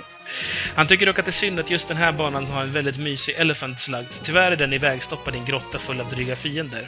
Och att ta sig igenom den här grottan för att sen förlora sin elefant då förstås, känns liksom tyvärr omotiverat. Uh, han föredrar också den biten när man följer en konvoj med jetpack. Uh, och också gillar han också sista banan. Det känns som att Vargavaka gillar liksom, han tar nästan upp alla moment i spelet som att det här, det här gillar jag, och, och så tänker jag på det här. Det är också jävligt bra. Han gillar spelet helt enkelt. Det verkar som det. Han tycker dock att det är lite skamfläckar finns det också. Han tänker på de vertikala flygsekvenserna. Han tycker de funkar lite halvdant. Eh, och det är väl faktiskt spelets svagaste moment, skulle jag också säga. Mm, rent gameplaymässigt i alla fall. Men, f- men, det, men det är främst de vertikala där, tycker jag. Alltså det, det är jobbigare att ta sig uppåt än att ta sig till höger. Mm. För du har ju den där du flyger, ja först då med, med helikopter och sen med jetpack när du väl har blivit nedskjuten. Mm. Den känns ju mer intressant. Varje vaka tar också upp en liten detalj angående den sista bossen som inte jag hade tänkt på riktigt. Han skriver så här då. Vad jag märkte i min omspelning var att den sista bossen gör något väldigt intressant. Du får börja säkert ivägstoppad i en slug, alltså en sån här eh, pansarvagn då. Mm. Därefter går bossen igenom sitt attackmönster, vilket förstör slaggen och du får slåss då sen på riktigt. När du sen då börjar fighten så har du redan ett hum om hur du ska ta dig an bossen. Just det. Eh, det, det är ganska intressant och det är lustigt att de tar med då pedagogiska metoder på sista bossen av alla ställen. ja, det är lite så här förlåtande för de som har lyckats ta sig dit. Att han visar liksom, ja, sin hand då kan man väl säga att han gör. Jävligt coolt, jag har inte tänkt på det faktiskt, men han har ju väldigt rätt. Vi får ju en liten tutorial precis innan vi börjar här. Ja. Ja, summan av kardemumman från varje är till en riktig arkadrykare som ska avnjutas i goda vänners lag. Mera shooters, tack. Och så är det ju grymt att det finns co-op också, även om inte jag spelar det. Co-op. Nej, jag måste säga att jag tycker att det är skitkul att spela co-op, så det tycker jag vi kan ta upp eh, Mm. så här lite på sidan av till och från, bara du och jag, för att det är kul. Mm. Jag och Anders, nu har vi pratat alldeles för länge om spelet, som vi brukar göra när vi gillar det. Mm. Det blir ju så. Ja, det, man märker att när det är ett långt avsnitt, då har vi verkligen uppskattat spelet, eller så har vi väldigt mycket dynga att kasta på det. Ja. Eh, det här låter ju som att det är någonting som åtminstone du och jag verkar gilla. Ja, absolut. Eh, är det pizzadags kanske? Det är pizzadags. Jag tänkte ta först faktiskt. Varsågod. Eh, vi, har, vi har nosat på den här pizzan förut, för det här är en, den här pizzan som man äter på en lite dyrare restaurang. Och eh, ja, du får punga ut din slant, men du får den här gången så får du också pizza eh, värt pengen så att säga. Den är inte vidare stor, men eh, den smakar gudomligt och den är perfekt kombinerad i alla sina ingredienser. Eh, och när du väl har ätit upp den så är du en extremt nöjd och du känner att det var helt klart värt att lägga ut de här pengarna. Det är, det är lite synd dock på den här restaurangen för att eh, bestickerna du, du får är värdelösa. Det är sådana här fjantiga bestick med bara två pinnar. Eller ja, eh, två, två, vad heter det? Två tänder på gaffeln. Och det symboliserar då naturligtvis den här hoppkontrollen som jag hade lite problem med. Du är så, eh, vad ska man säga? Du är så poetisk, Anders. Vi, vi, jag är så direkt i min poesi. ja, det kanske är så det är. Ja. Ja, jag eh, har en liten en, ja, variant, som vanligt. Mm. Eh, har du varit med någon gång om att det är så här, du kommer hem en dag från skolan och så frågar du morsan då efter ett tag när du har ätit mellanmål och gjort dina läxor och allt sånt där. Du, eh, mamma, vad blir det för mat idag? Och sen så här, ja men vi tänkte vi kanske skulle fira att pappa fick eh, sin befordran. Så att eh, det blir lite pizza ikväll. Och du känner, åh vad trevligt. Men sen så kommer du på att fan, jag är inte så sugen på pizza egentligen. Och det är ju skitjobbigt, för nu ska vi liksom... Nu ska pappa pa passera pizzastället på vägen hem från jobbet och, och hämta upp en massa pizzor till Mm. hela familjen. Och så känner du, fan, fan vill jag ha... va- va- Okej, men okej, men pizza, vad, vad, vad tycker jag om? Vad vill jag ha för pizza? Vad ska jag ha då? Och till slut så inser du när du kollar igenom menyn de har och så vidare att fan, det, jag är inte sugen på något. Men då ser du räddningen att det här stället, de har även hamburgare. För hamburgare, det, det var alldeles för länge sedan du åt, så det kan vara alldeles lagom. Och det här spelet, det är fan i mig en riktigt jävla god hamburgare. Oj, det är vad jag skulle säga. att det är. Liksom, den är rejäl, men den är inte kladdig och den sitter bra i munnen. Och det, det är ju inte riktigt en pizza. Egentligen. Men det är en bra jävla hamburgare. Det, det finns väl liksom någon skavankar där att det kanske är lite för mycket sås på, eller att pommesen är lite soggig. Alltså det, det är inte, den är inte en helt perfekt måltid ja just det. Men det är definitivt inte en pizza, utan det är en, en rejäl och god hamburgare. Och inte någon jävla McDonalds, utan en riktig liksom grillhaksburgare som verkligen smakar bra. Som är, som är grillad med hjärta också då. Ja, precis. Det, det är inte någon stackars 17-åring med jättemycket finnar som jobbar på McDonalds, för det finns inget bättre i det här hemska Sverige. Så ja, jag skulle säga att det är en riktigt god... Jag, ska inte, jag vill inte säga Sibylla, men du förstår vad jag menar när jag säger Ja. liksom att det är lite... Det är inte den här klassiska Burger King, McDonalds-burgaren, utan det är liksom en riktig burgare. Det är ingen fabriksburgare helt enkelt. Det är en riktig burgare med, med ja, riktig färs och så. Ja, precis. Och god. Den är, den är riktigt god. Fan vi började sväva utanför pizzan. Det var några veckor sedan så hade jag en kebabrulle och nu har du en, en hamburgare. Vad kommer det här att sluta?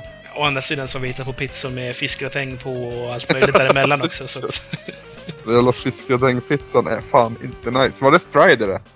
jag tror att det var Strider som har fiskgratäng. Fan. Ja, Ja. det Samson. Vi har lyssnat på en hel del bra musik i bakgrunden här, men jag tror vi ska höja volymen lite till ett annat spår.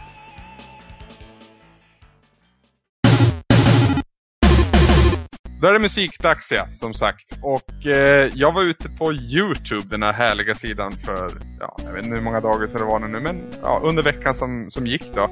Och eh, kollade på lite så här härlig spelmusik. Och ett av spåren jag fastnade för, det var från eh, Batman-spelet till NES, som du kommer ihåg. Har du spelat det Samson? Jo, ja, självklart.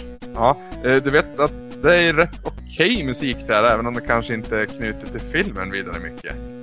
Alltså, överlag tycker jag det är ett jävligt coolt och bra spel, men jag fattar inte Ja. vad det har med Batman att göra. Nej, nej, det är ju så. Det är ett, ett coolt och bra spel och så har de lagt en gubbe som ser ut som Batman. Som, Lite som det första Star Wars-plattformsspelet, där Darth Vader var en skorpion.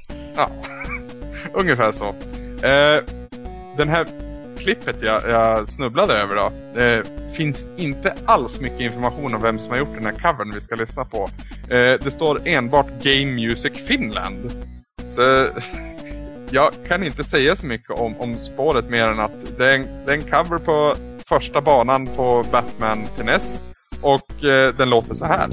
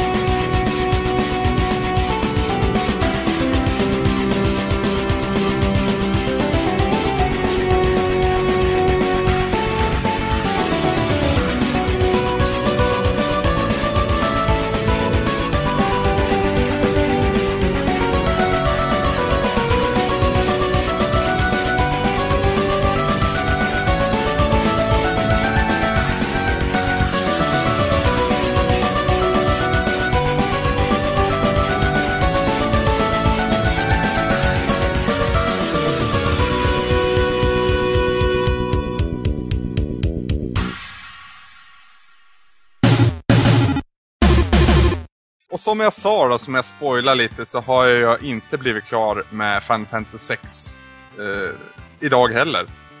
För den delen, utan jag håller fortfarande på och kämpa mig fram.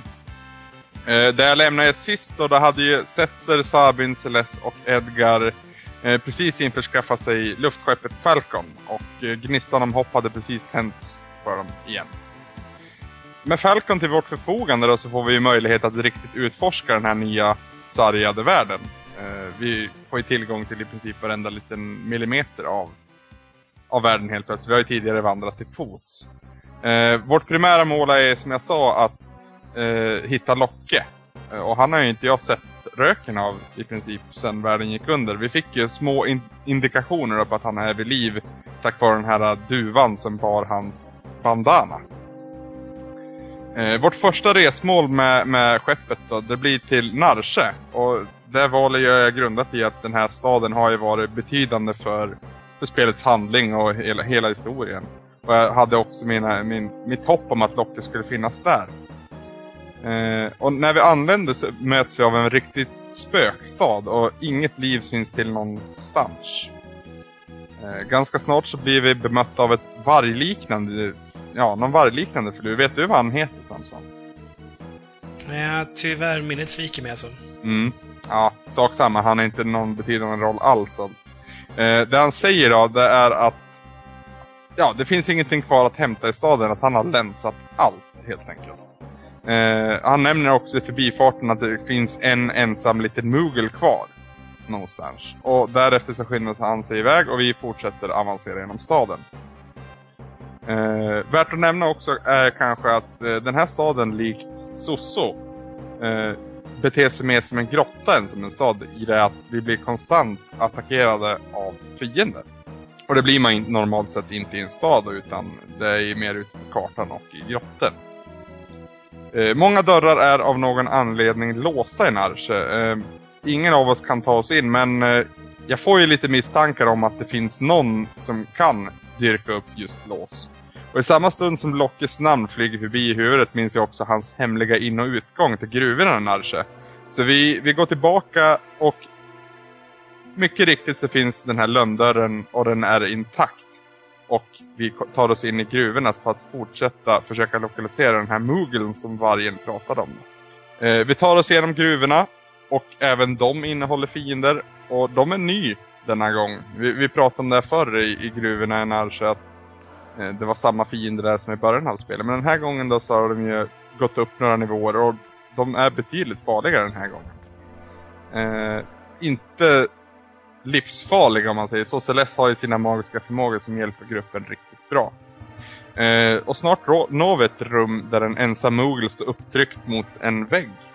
Han berättar på ja, mogelska, eller vad man ska säga, att han gärna ansluter sig till vårat party. Eh, och det här kommer visa sig vara riktigt användbart. Han berättar också att det vore bra för våran grupp om vi rekryterade Umaru. Och vem han är har jag ingen aning om, men innan jag hinner fråga den lilla sparven eh, ja, vem det är, alltså skyndar han iväg till Falcon. Och vi ska precis skynda iväg efter honom när jag av en ren händelse hittar en relic som jag kan använda tillsammans med den här nyrekryterade Moogle. Och tillbaka på Falcon så sätter jag Moogle i mitt party och med sin relic på sitt finger så kan inte vårt party längre hamna i en random encounter, alltså en sån här strid som man bara stöter på var som helst på kartan. Det här blir ju extremt användbart och väldigt, väldigt skönt för mig. Jag missar ju förvisso chansen att smyglevla om man, om man säger så, men eh, det är skönt att kunna välja när man vill stöta på de här ja, random encounters. Eh, efter det så beger vi oss tillbaka till Narshe för att utforska ytterligare. Och ja, den här gången går det jäkligt fort i och med att jag inte behöver slåss någonting utan jag, jag tar mig dit jag ska och bara knallar och går. Eh, snart når vi det här berget där vi tidigare mötte Kefka och hans styrkor för att försvara den frusna Espen om ni minns det.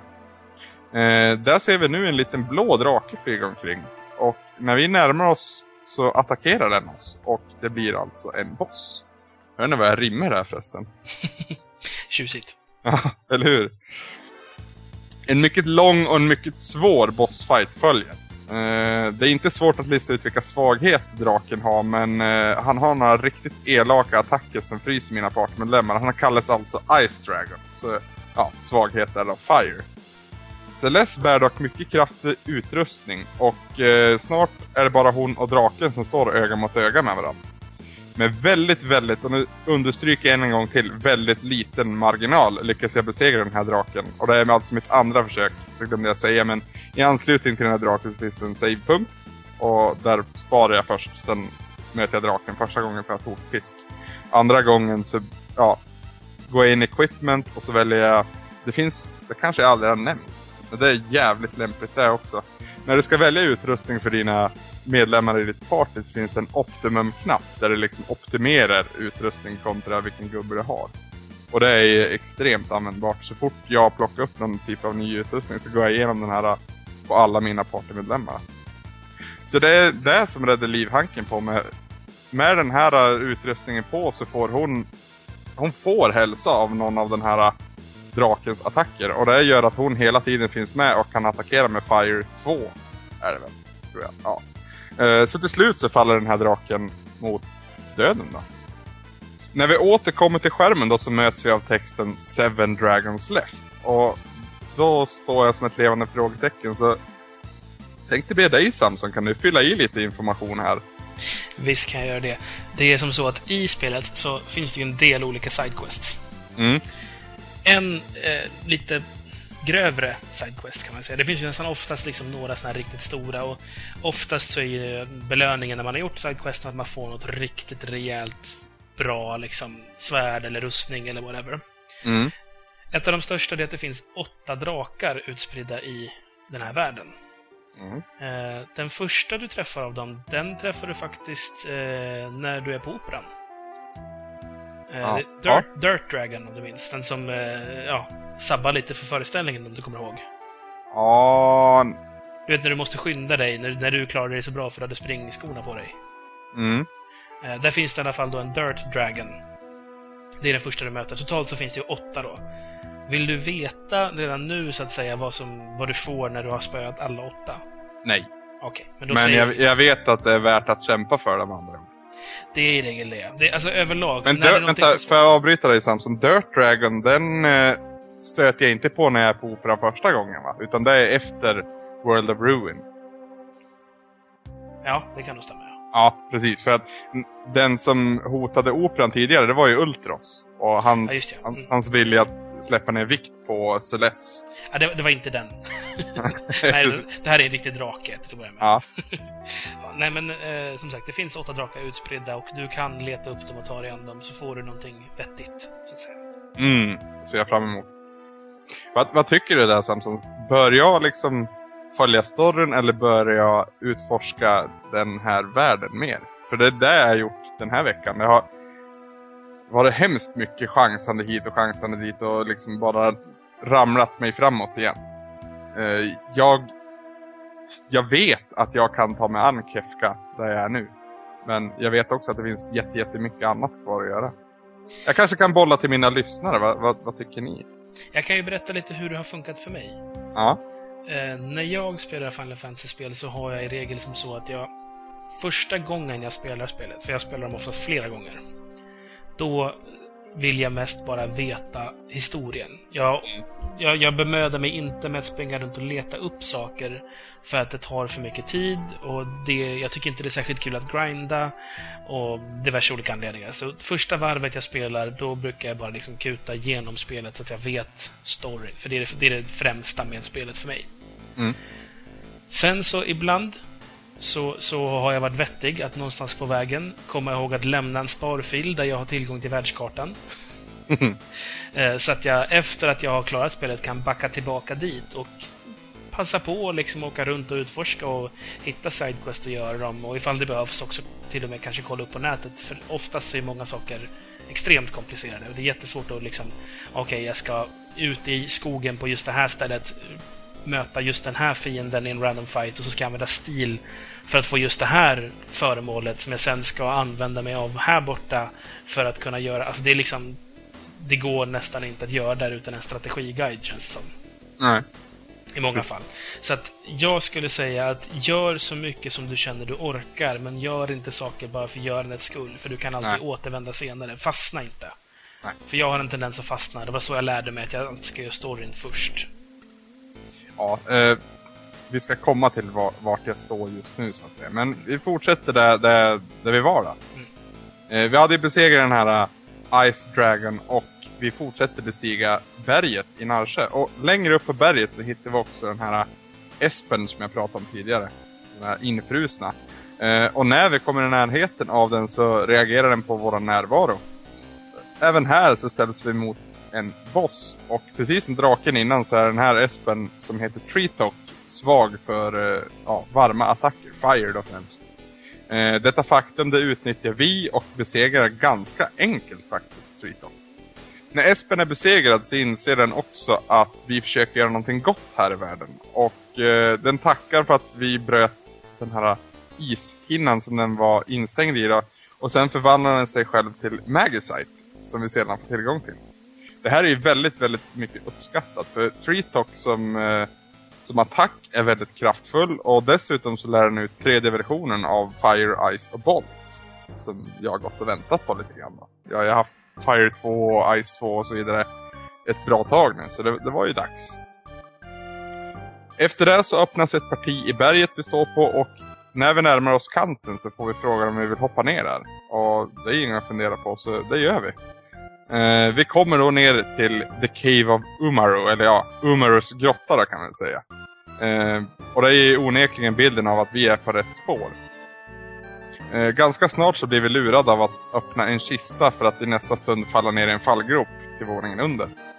Och det här det händer faktiskt en gång till nästan på en gång. Och, och då hamnar vi i ett rum fullt med en massa träpålar och ett gammalt skelett. När vi utforskar det här skelettet då så ser vi att det sitter en liten bit Magicite i det som vi roffar åt oss och så glädjer vi oss lite åt att ja, på väldigt kort tid så har vi införskaffat oss två Magicites. Vi blir dock avbrutna här då Umaro äntrar rummet. Umaro han är alltså Snömannen eller Sasquatch om man så vill. Och han Yeti, är då... skulle jag säga. Vad var han? Yeti. Yeti, okej ja. En- Den här myten som har talats mycket om i alla fall. The Abominable Snowman. Eh, han verkar dock väldigt arg för att eh, vi har snott hans skatt. Och eh, vi får möta än en boss här. Samma beprövade metod används än en gång och besegrar också honom relativt enkelt. När han har fått lite pisk så förstår han också att vi är några av de goda människorna så att säga. Och han, likt Moogle, ansluter sig till partyt och skyndar tillbaka till The Falcon. Vi gör heller inte så mycket mer än så. Efter två nya partymedlemmar, två nya Magicites och en besegrad drake så känner vi oss rätt nöjda med vår vistelse i Narsche. Innan vi bordar vårt luftskepp så noterar vi att i anslutning till Narsche finns det en liten skogssamling som, ja, det formar ett kors. Och när vi när, närmar oss det här området så visar det sig vara ett hemligt gömställe för någon som kallar sig Duncan. Och jag har svårt att minnas här, har vi stött på Duncan tidigare i, i storyn? Ehm, Ja, jag ja, väl- ja, ni, ja. har, ni har träffat Duncan tidigare.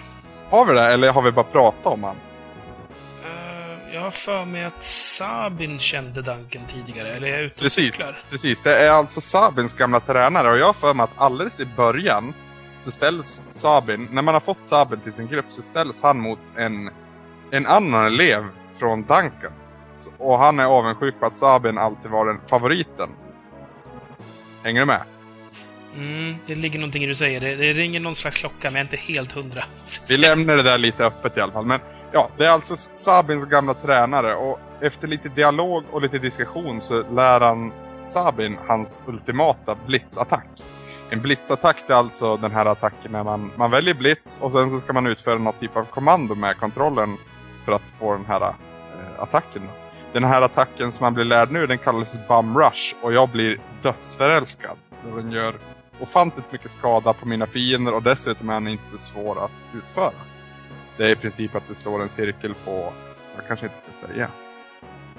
Nej, jag säger inte mer än så. Eh, Efter det här då känner vi oss ännu mer nöjd och vi går ombord Falcon. Eh, måste också flika in att det känns som att jag har haft en jäkla tur just under det här partiet för dels Moogles charm som innebär att jag inte behöver gå in i några random encounters. Det snubblar jag över. För att, ja, sen när jag spelar Final Fantasy 4 så har jag lärt mig att liksom utforska så här vrår genom att gå där och trycka och känna och liksom klämma på i princip allting. Eh, och det är så jag hittar den här relicen.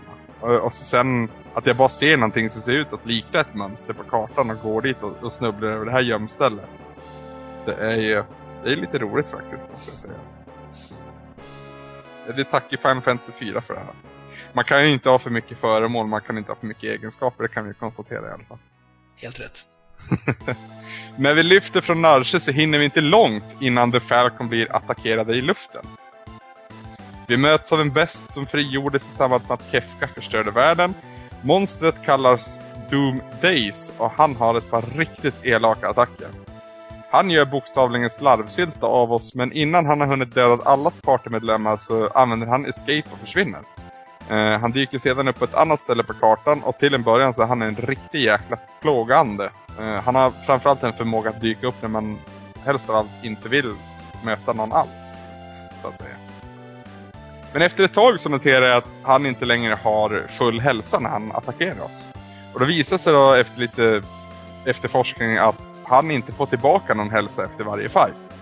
Så sakta men säkert så kan jag nöta ner hans hälsa. Jag måste då efter varje fight gå ner, landa och typ tälta på marken. Men ja, med mycket tålamod. Jag tror han har 55 000 i HP eller någonting sånt där. Men lyckas man ta 5 000 varje gång så går det, inte, det går rätt fort då.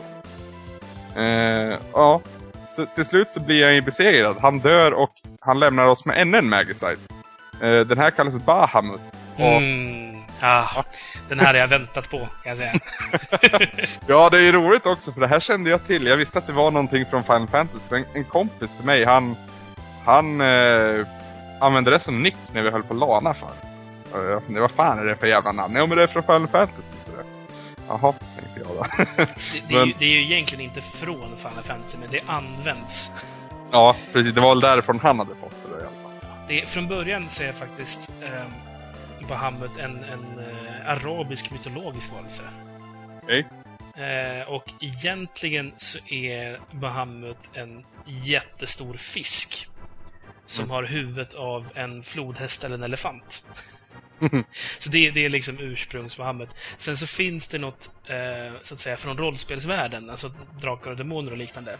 Mm. Och det är väl främst den då som eh, man tänker på i Final Fantasy-världen. Och det är alltså den här drakliknande eh, världen. Den är ju då från, från Drakar och Demoner, tror jag den dök upp första gången. Eh, Okej. Ska vi se här.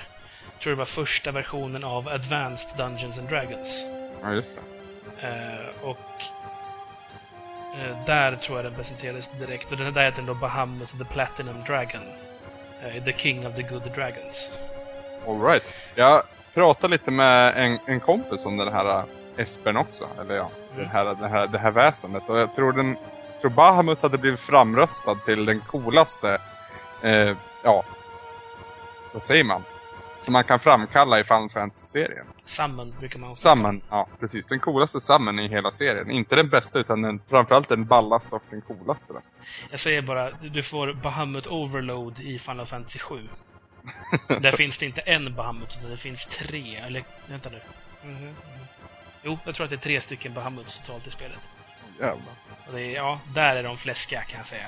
Jävlar vad man blir... Ja, jag får lite ståpäls nu när jag tänker på det faktiskt. Ja, den här Espen han lär ju bara ut en attack. Han är ju framförallt väldigt bra att plocka fram och, och kalla fram i, i tuffa fighter. Men han lär ju också ut flare till, till han som bär han. Och det är ju också en väldigt stark attack. Så det, han är ju mer än välkommen i min samling som börjar växa till sig ordentligt på väldigt kort tid nu. Eh, Bahamut dyker upp i många Final Fantasy-spel, ska jag också säga. Mm.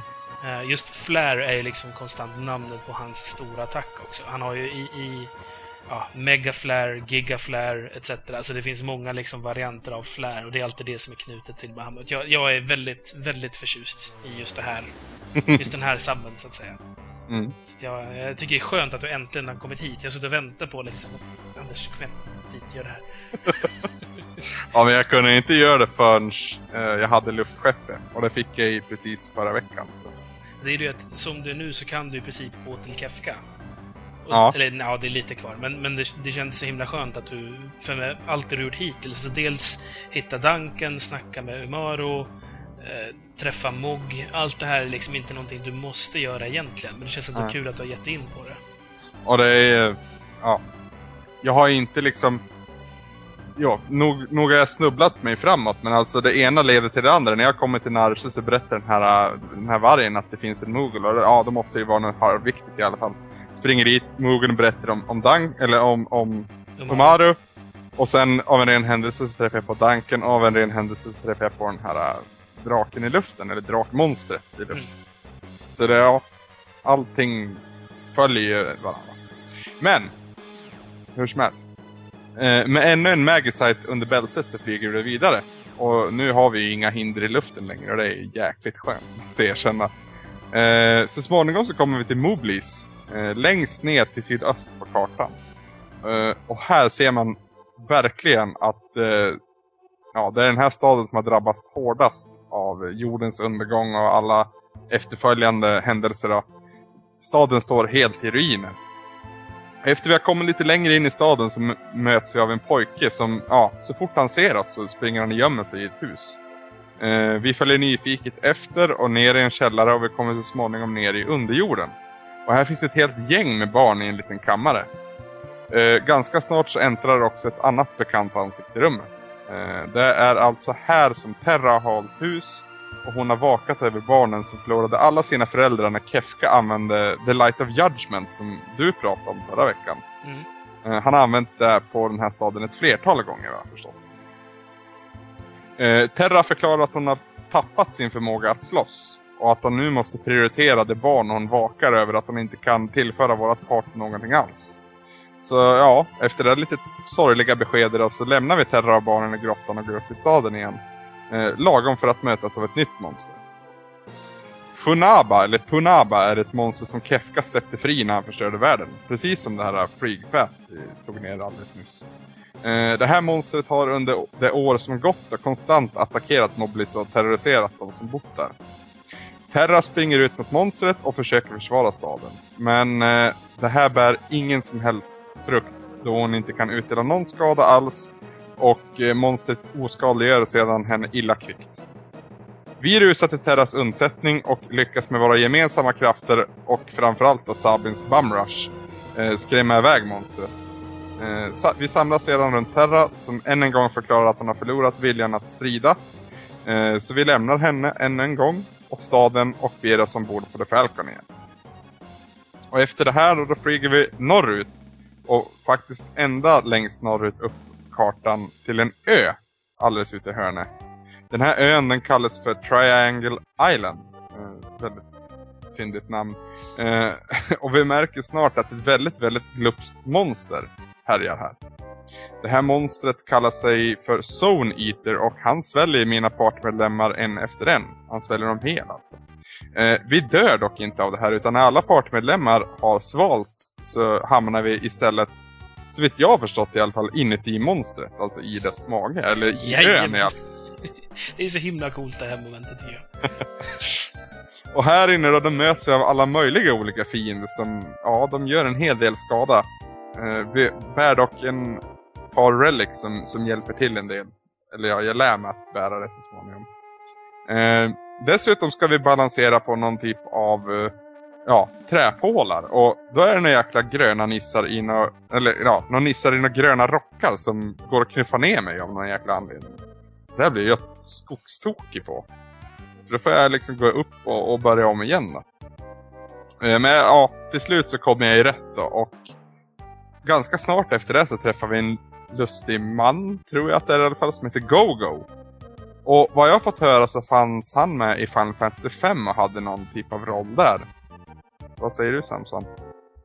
Du, det är jag faktiskt lite osäker på. Han är en mimik, så mycket minns jag. Men jag minns inte exakt var det är han kommer ifrån. Nej. Nej, vad, jag, vad jag förstod också, jag än en gång pratade med en kompis. eh, Det här, det här kan jag flika in med, det är ju spännande där, för det finns inga spel som jag liksom kunnat suttit och prata så länge, länge om som Final Fantasy-spelen. Man har liksom pratat om att ah, det här spelet är grymt och det här borde testa och det här var jättebra i det här spelet. Men inte alls på samma sätt som i, i, i Final Fantasy. Jag, jag förstår inte. Jag måste också tillägga att den här mimiken, eh, Gogo eller Gogo som jag kallar honom, Ja, eh, det är en eh, litterär referens faktiskt. jaha. Eh, den är döpt efter Estragon i Samuel Beckets eh, existentiella pjäs I väntan på Godot. Mhm. Där Estragon och Vladimir sitter vid ett vägskäl och väntar då på att Godot ska komma. Som förstås inte kommer. Mm. Eh, Då kallas då Estragon för Gogo av hans kompis Vladimir, som han i sin tur kallar för Didi. Ja, just det. Så Gig, eh, ja, Diddy och Gogo sitter och väntar. och onekligen sitter ju Gogo också på insidan av Zone Eater och väntar. ja, jag vet inte riktigt. Han, han, han fäller någon lustig kommentar som jag tyvärr inte har memorerat. Men han verkar liksom inte så här vidare exalterad över att vi dyker upp där. Han verkar inte liksom vara varken negativ eller positiv. Utan mest såhär, jaha, där var ni, ja men jag kan väl följa med er. Och, ja, han ansluter sig till partyt i alla fall. Det påminner ganska mycket om karaktären Estragon i pjäsen också. Okej. Okay. Eh, efter det här då, så känns det som att ja, vi kommer inte längre in i grottan. Så då använder Saben en magi som kallas Warp. Och den för oss ut från grottan och vi kan gå ombord på The Falcon igen. Eh, vid den här punkten så är jag väldigt osäker på vad jag ska göra så då bestämmer jag mig för att besöka Terra igen. Eh, det vore jäkligt fint om hon fanns med i, i gruppen. Hon, hon har ju framförallt en viktig roll i hela berättelsen och det känns inte som att hennes del är avklarad än. Så ja, tillbaka till Moblis alltså och åter ner i underjorden. Där ser vi hur en ung flicka står och konsulerar med Terra och det visar sig att hon, flickan i fråga då, är gravid men att hennes man inte verkar vidare glad över det här faktumet. Eh, mannen äntrar rummet ganska snart och eh, han menar då på att han har betett sig underligt eftersom han är så ovan med situationen men att han, att han ser fram emot det här jättemycket. Så allting verkar gå mot det bättre. Eh, precis då så springer ett av barnen in i rummet och berättar att Funaba är på väg än en gång. Denna gång ställer vi oss mot monstret som inte verkar så farlig men eh, ganska snart så använder han en attack som kallas Baba Breath som blåser bort både Edgar och Celeste från fältet. Och i samma stund så äntrar Terra bilden igen. Eh, denna gång har hon dock förvandlat sig till sin SP-form och kan därmed utdela en hel del skada mot monstret. Så det, det är skönt, nu är hon med i matchen igen. Tillsammans så lyckas vi tillintetgöra monstret och äntligen så faller den framför våra fötter. Till skillnad från att rymma som man gjort tidigare då. Så nu är det där avklarat, nu finns han inte mer och det känns väldigt bra. När Terra sedan får träffa barnen i Mublis igen så tror de ju först att hon är ett monster och det här gör henne väldigt, väldigt ledsen. Eh, men ett av barnen ser snart att det finns liksom en kontur av Terra kvar och ja, vågar sig gå närmare och det, då följer de andra barnen efter. Och ja, det gör ju henne glad istället. Eh, Terra förklarar att hon inte alls tänkte när hon förvandlade sig till sin SP-form utan att det var en helt impulsstyrd handling. Och eh, hon tror att hon kan identifiera den här känslan då med kärlek. Eh, något som Terra tidigare deklarerat att hon inte känt av. I och med att hon är halvt Esper, halvt människa. Hon menar då på i alla fall att eh, hon var så rädd för barnen och stadens skull att den kärlek hon kände för dem återigen försatte henne i stridsdugligt skick. När hon förklarar allt det här så inser hon också att hon måste fortsätta slåss då. För att tillsammans måste kunna besegra Kefka och göra världen till ett bättre ställe igen. Så äntligen så finns hon återigen med i gruppen och även om hon nu bär en rätt låg level i och med att mina andra gubbar har ju fått härja på ordentligt och är väl uppe på 40-45 där någonstans och Terra går in på 35 tror jag. Så ja, hon är ju mer än välkommen i gruppen ändå då hon, ja. Som sagt, dels är hon viktig för storyn vad jag förstått och dels så en magiker är alltid trevligt att ha. Med Terra ombord på The Falcon så beger vi oss till Maranda efter lite omkringflygande. Och där träffar vi en flicka som heter Lola som berättar att hennes man dagligen skickar brev från Moblis. Eh, vi som sett hur staden verkligen ser ut och eh, däremot dessutom fått höra att nästan alla människor, alla vuxna människor har dött där. Vi börjar ju ana att någonting inte står riktigt till. vi ser då ett av de här breven som hon har fått från sin, på, eller ja, sin påstådda man i Moblis. Och vi ser ganska snart att det inte är... Det är en handstil som vi känner igen där och den här handstilen den påminner väldigt, väldigt mycket om Syans handstil. Uh, vi går ut ur Lolas hem och ser där utanför att det finns en rad med duvor utanför. Så vi, vi ger den här, en av duvorna ett brev och den flyger iväg och vi får då se duvans eh, ja, hur den flyger, i vilken riktning och så vidare och vart den landar. Och vi följer efter i The Falcon och vi kommer till småningom till staden Soso. Eh, som ni kanske minns så var den här Soso, det var i banditernas stad där vi vart attackerade. Fast vi var inne i staden första gången. Eh, den här gången så har vi dock Moogle med i gänget och Moogle bär Moogle Charm så det är bara att knalla igenom hur enkelt som helst. Vi tar oss upp för det här eh, kaféet igen kan man väl säga. Men vi, vi, vi kommer liksom ingen vart. Uh, men sen så när vi börjar utforska staden mer så träffar vi på en kille som jag tror faktiskt att det, han är, det är samma kille som vart av med kläderna när Locke snodde kläderna av han i Södra Figaro. Om ni nu kommer ihåg det. Det är helt makalöst jag kommer ihåg det faktiskt. Hur som helst han, han berättar att ta den här nyckeln så, så kommer ni vidare i, i stort sett, säger han där. Eh, så vi går upp för samma trappor igen och vi kan låsa upp en, en rostig dörr. Och från den dörren då så kan vi komma in till berget Soso, alltså Mountain Soso. Eh, vi bestiger det här berget via en massa grottor och en massa broar och inte så många fiender i och med att vi än en gång har Moogle med i bilden. Däremot så möter vi en ny drake som denna gång heter en Storm Dragon. Och än en gång så är det väldigt, väldigt mycket utmaning här. Vid det här laget dock, ska jag passa på att säga, så har, både, så har i alla fall Celeste, jag kommer inte ihåg riktigt detaljerna, lärt sig Fire 3. Och Bolt 3 och Ice 3. Och eh, de här attackerna gör väldigt mycket skada på Storm Dragon. Dessutom har vi Sabens Bum Rush. Som, eh, ja, även den tar ner mycket av dra drakens hälsa. Så kombinerat med det och att vi har Terra med i gänget som kan stå som ja, healare då egentligen. Så tar vi den här Storm Dragon och vi får meddelandet att eh, sex drakar kvar. Så en, en, en, en som vi kan stryka från listan. Vi fortsätter genom bergen och genom grottorna och vi kommer till snart till en kammare som är fylld med blommor och, och brev och, och, grejer. Och funderar vad tusan det här kan vara. Men då ser vi på ja, det typ av skrivbord som den här personen i fråga har. Att det här är också, här är källan till alla brev. Så vi antar ju att syan är i närheten. Och mycket riktigt så går vi ut från rummet så kommer vi ut på en stor klippa där vi ser syan stå och skicka ännu ett brev via den här brevduvan. Och när vi konfronterar syan och säger hej, konfronterar, vi säger hej på honom och är glada att se honom och allting sånt. Men han berättar ju varför han har skickat de här breven sen och det är för att han fick väl på något sätt tag i ett av de här breven och han visste ju att eh, mannen som Lolo försökte skicka till var död men han hade inte hjärta nog att förklara det för henne så istället så låtsades han vara den här mannen som förklarade att allting är bra med mig och att han saknade Lole, eller Lolo och eh, att han älskar henne och allt, allt det där va. Så Syan visar väldigt mycket hjärta i den här sekvensen men han är lite skamsen för det också. Han ska ju fortfarande vara en stor ninjakrigare så det, han är lite kluven i det här läget. Sen då, när allt det här är överspelat så ansluter han sig till vårat party. Och det här är jätteskönt. För nu har vi både fått både Terra och Syan tillbaka till, till gänget.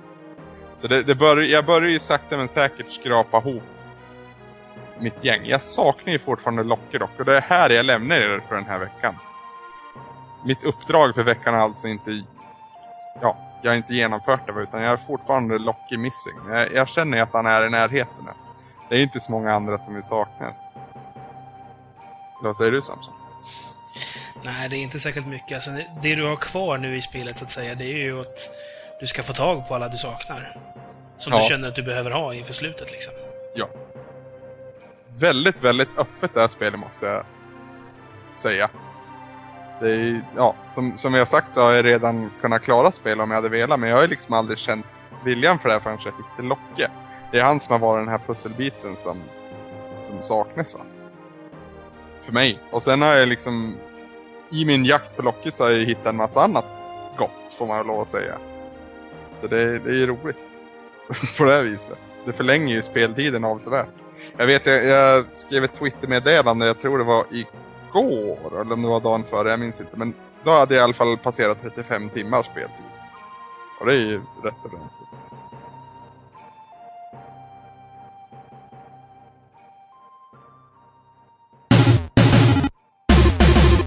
Men då Samson, då tar vi och fokuserar istället på vad vi ska spela till nästa vecka.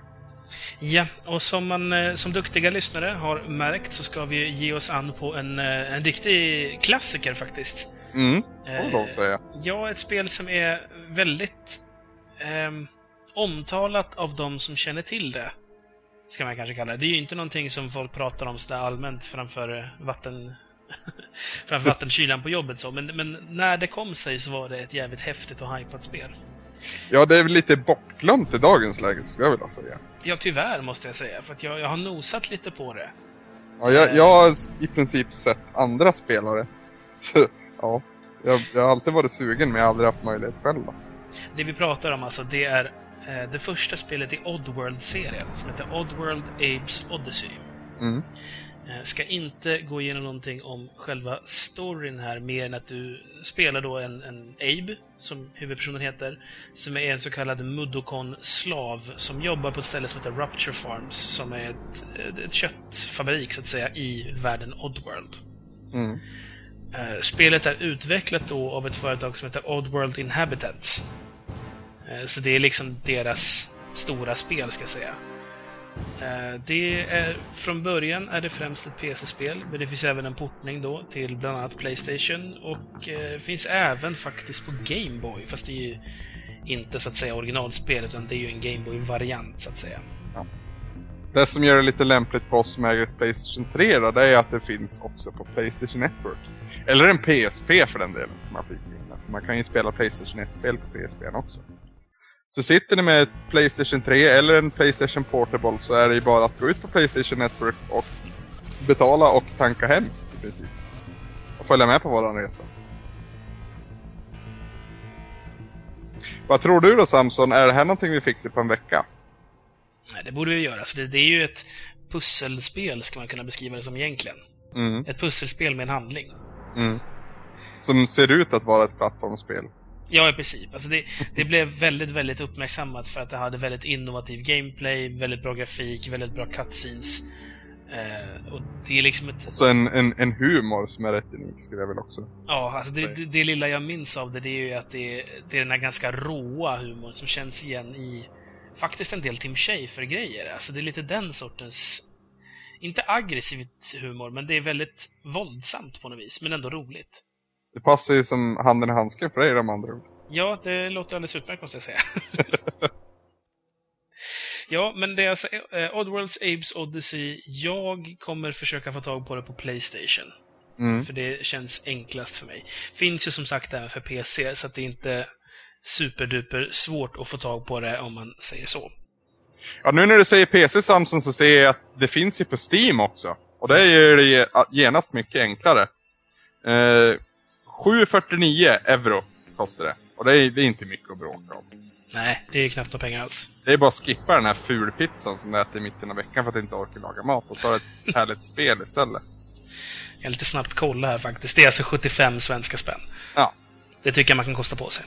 Absolut. Ja, Anders, då eh, är vi klara för idag faktiskt. Jajamän. Det tog sin lilla tid idag, så det blev Ja. sådär härligt långt som en del gillar. Ja, som alla gillar verkar det som. Om det är någon som inte gillar det så får ni, får ni gärna höra av er. För annars kommer vi att sluta på, på dygnspass här. Jag har redan fått klagomål från hus, eh, husmor här som inte tycker att jag ska få ockupera längre här i arbetsrummet. Ja, det är samma sak i Bollnäs kan jag säga.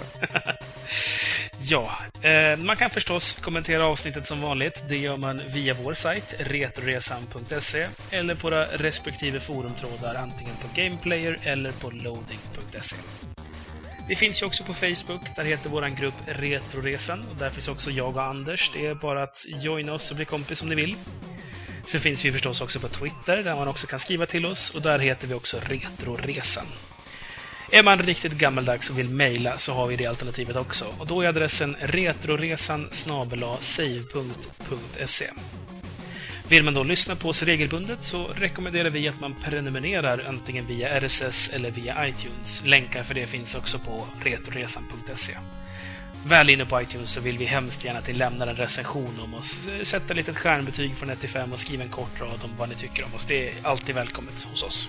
Jag vill ju passa på att uppmana ni som tycker att vi är så här halvdassiga och lite halvdåliga. att Skriv fan och berätta vad vi gör som är dåligt. För Vi har fått så jäkla mycket bra kritik nu. Och det, det är ju synd att behöva klaga över det. ja, fy Men det, det, det, vore, det vore ju kul, även ni som har tyckt att vi har varit skitbra, så kom gärna med lite konstruktiv kritik så att vi kan få lite, lite vatten på kvarn och utveckla det här projektet. Vad vi kan göra bättre helt enkelt. Det vill vi alltid veta förstås. Ja. Ja, Anders, där får vi säga adjö för idag faktiskt. Jajamän. Jag heter Samson. Och jag heter Anders. Målet är ingenting. Resan är allt.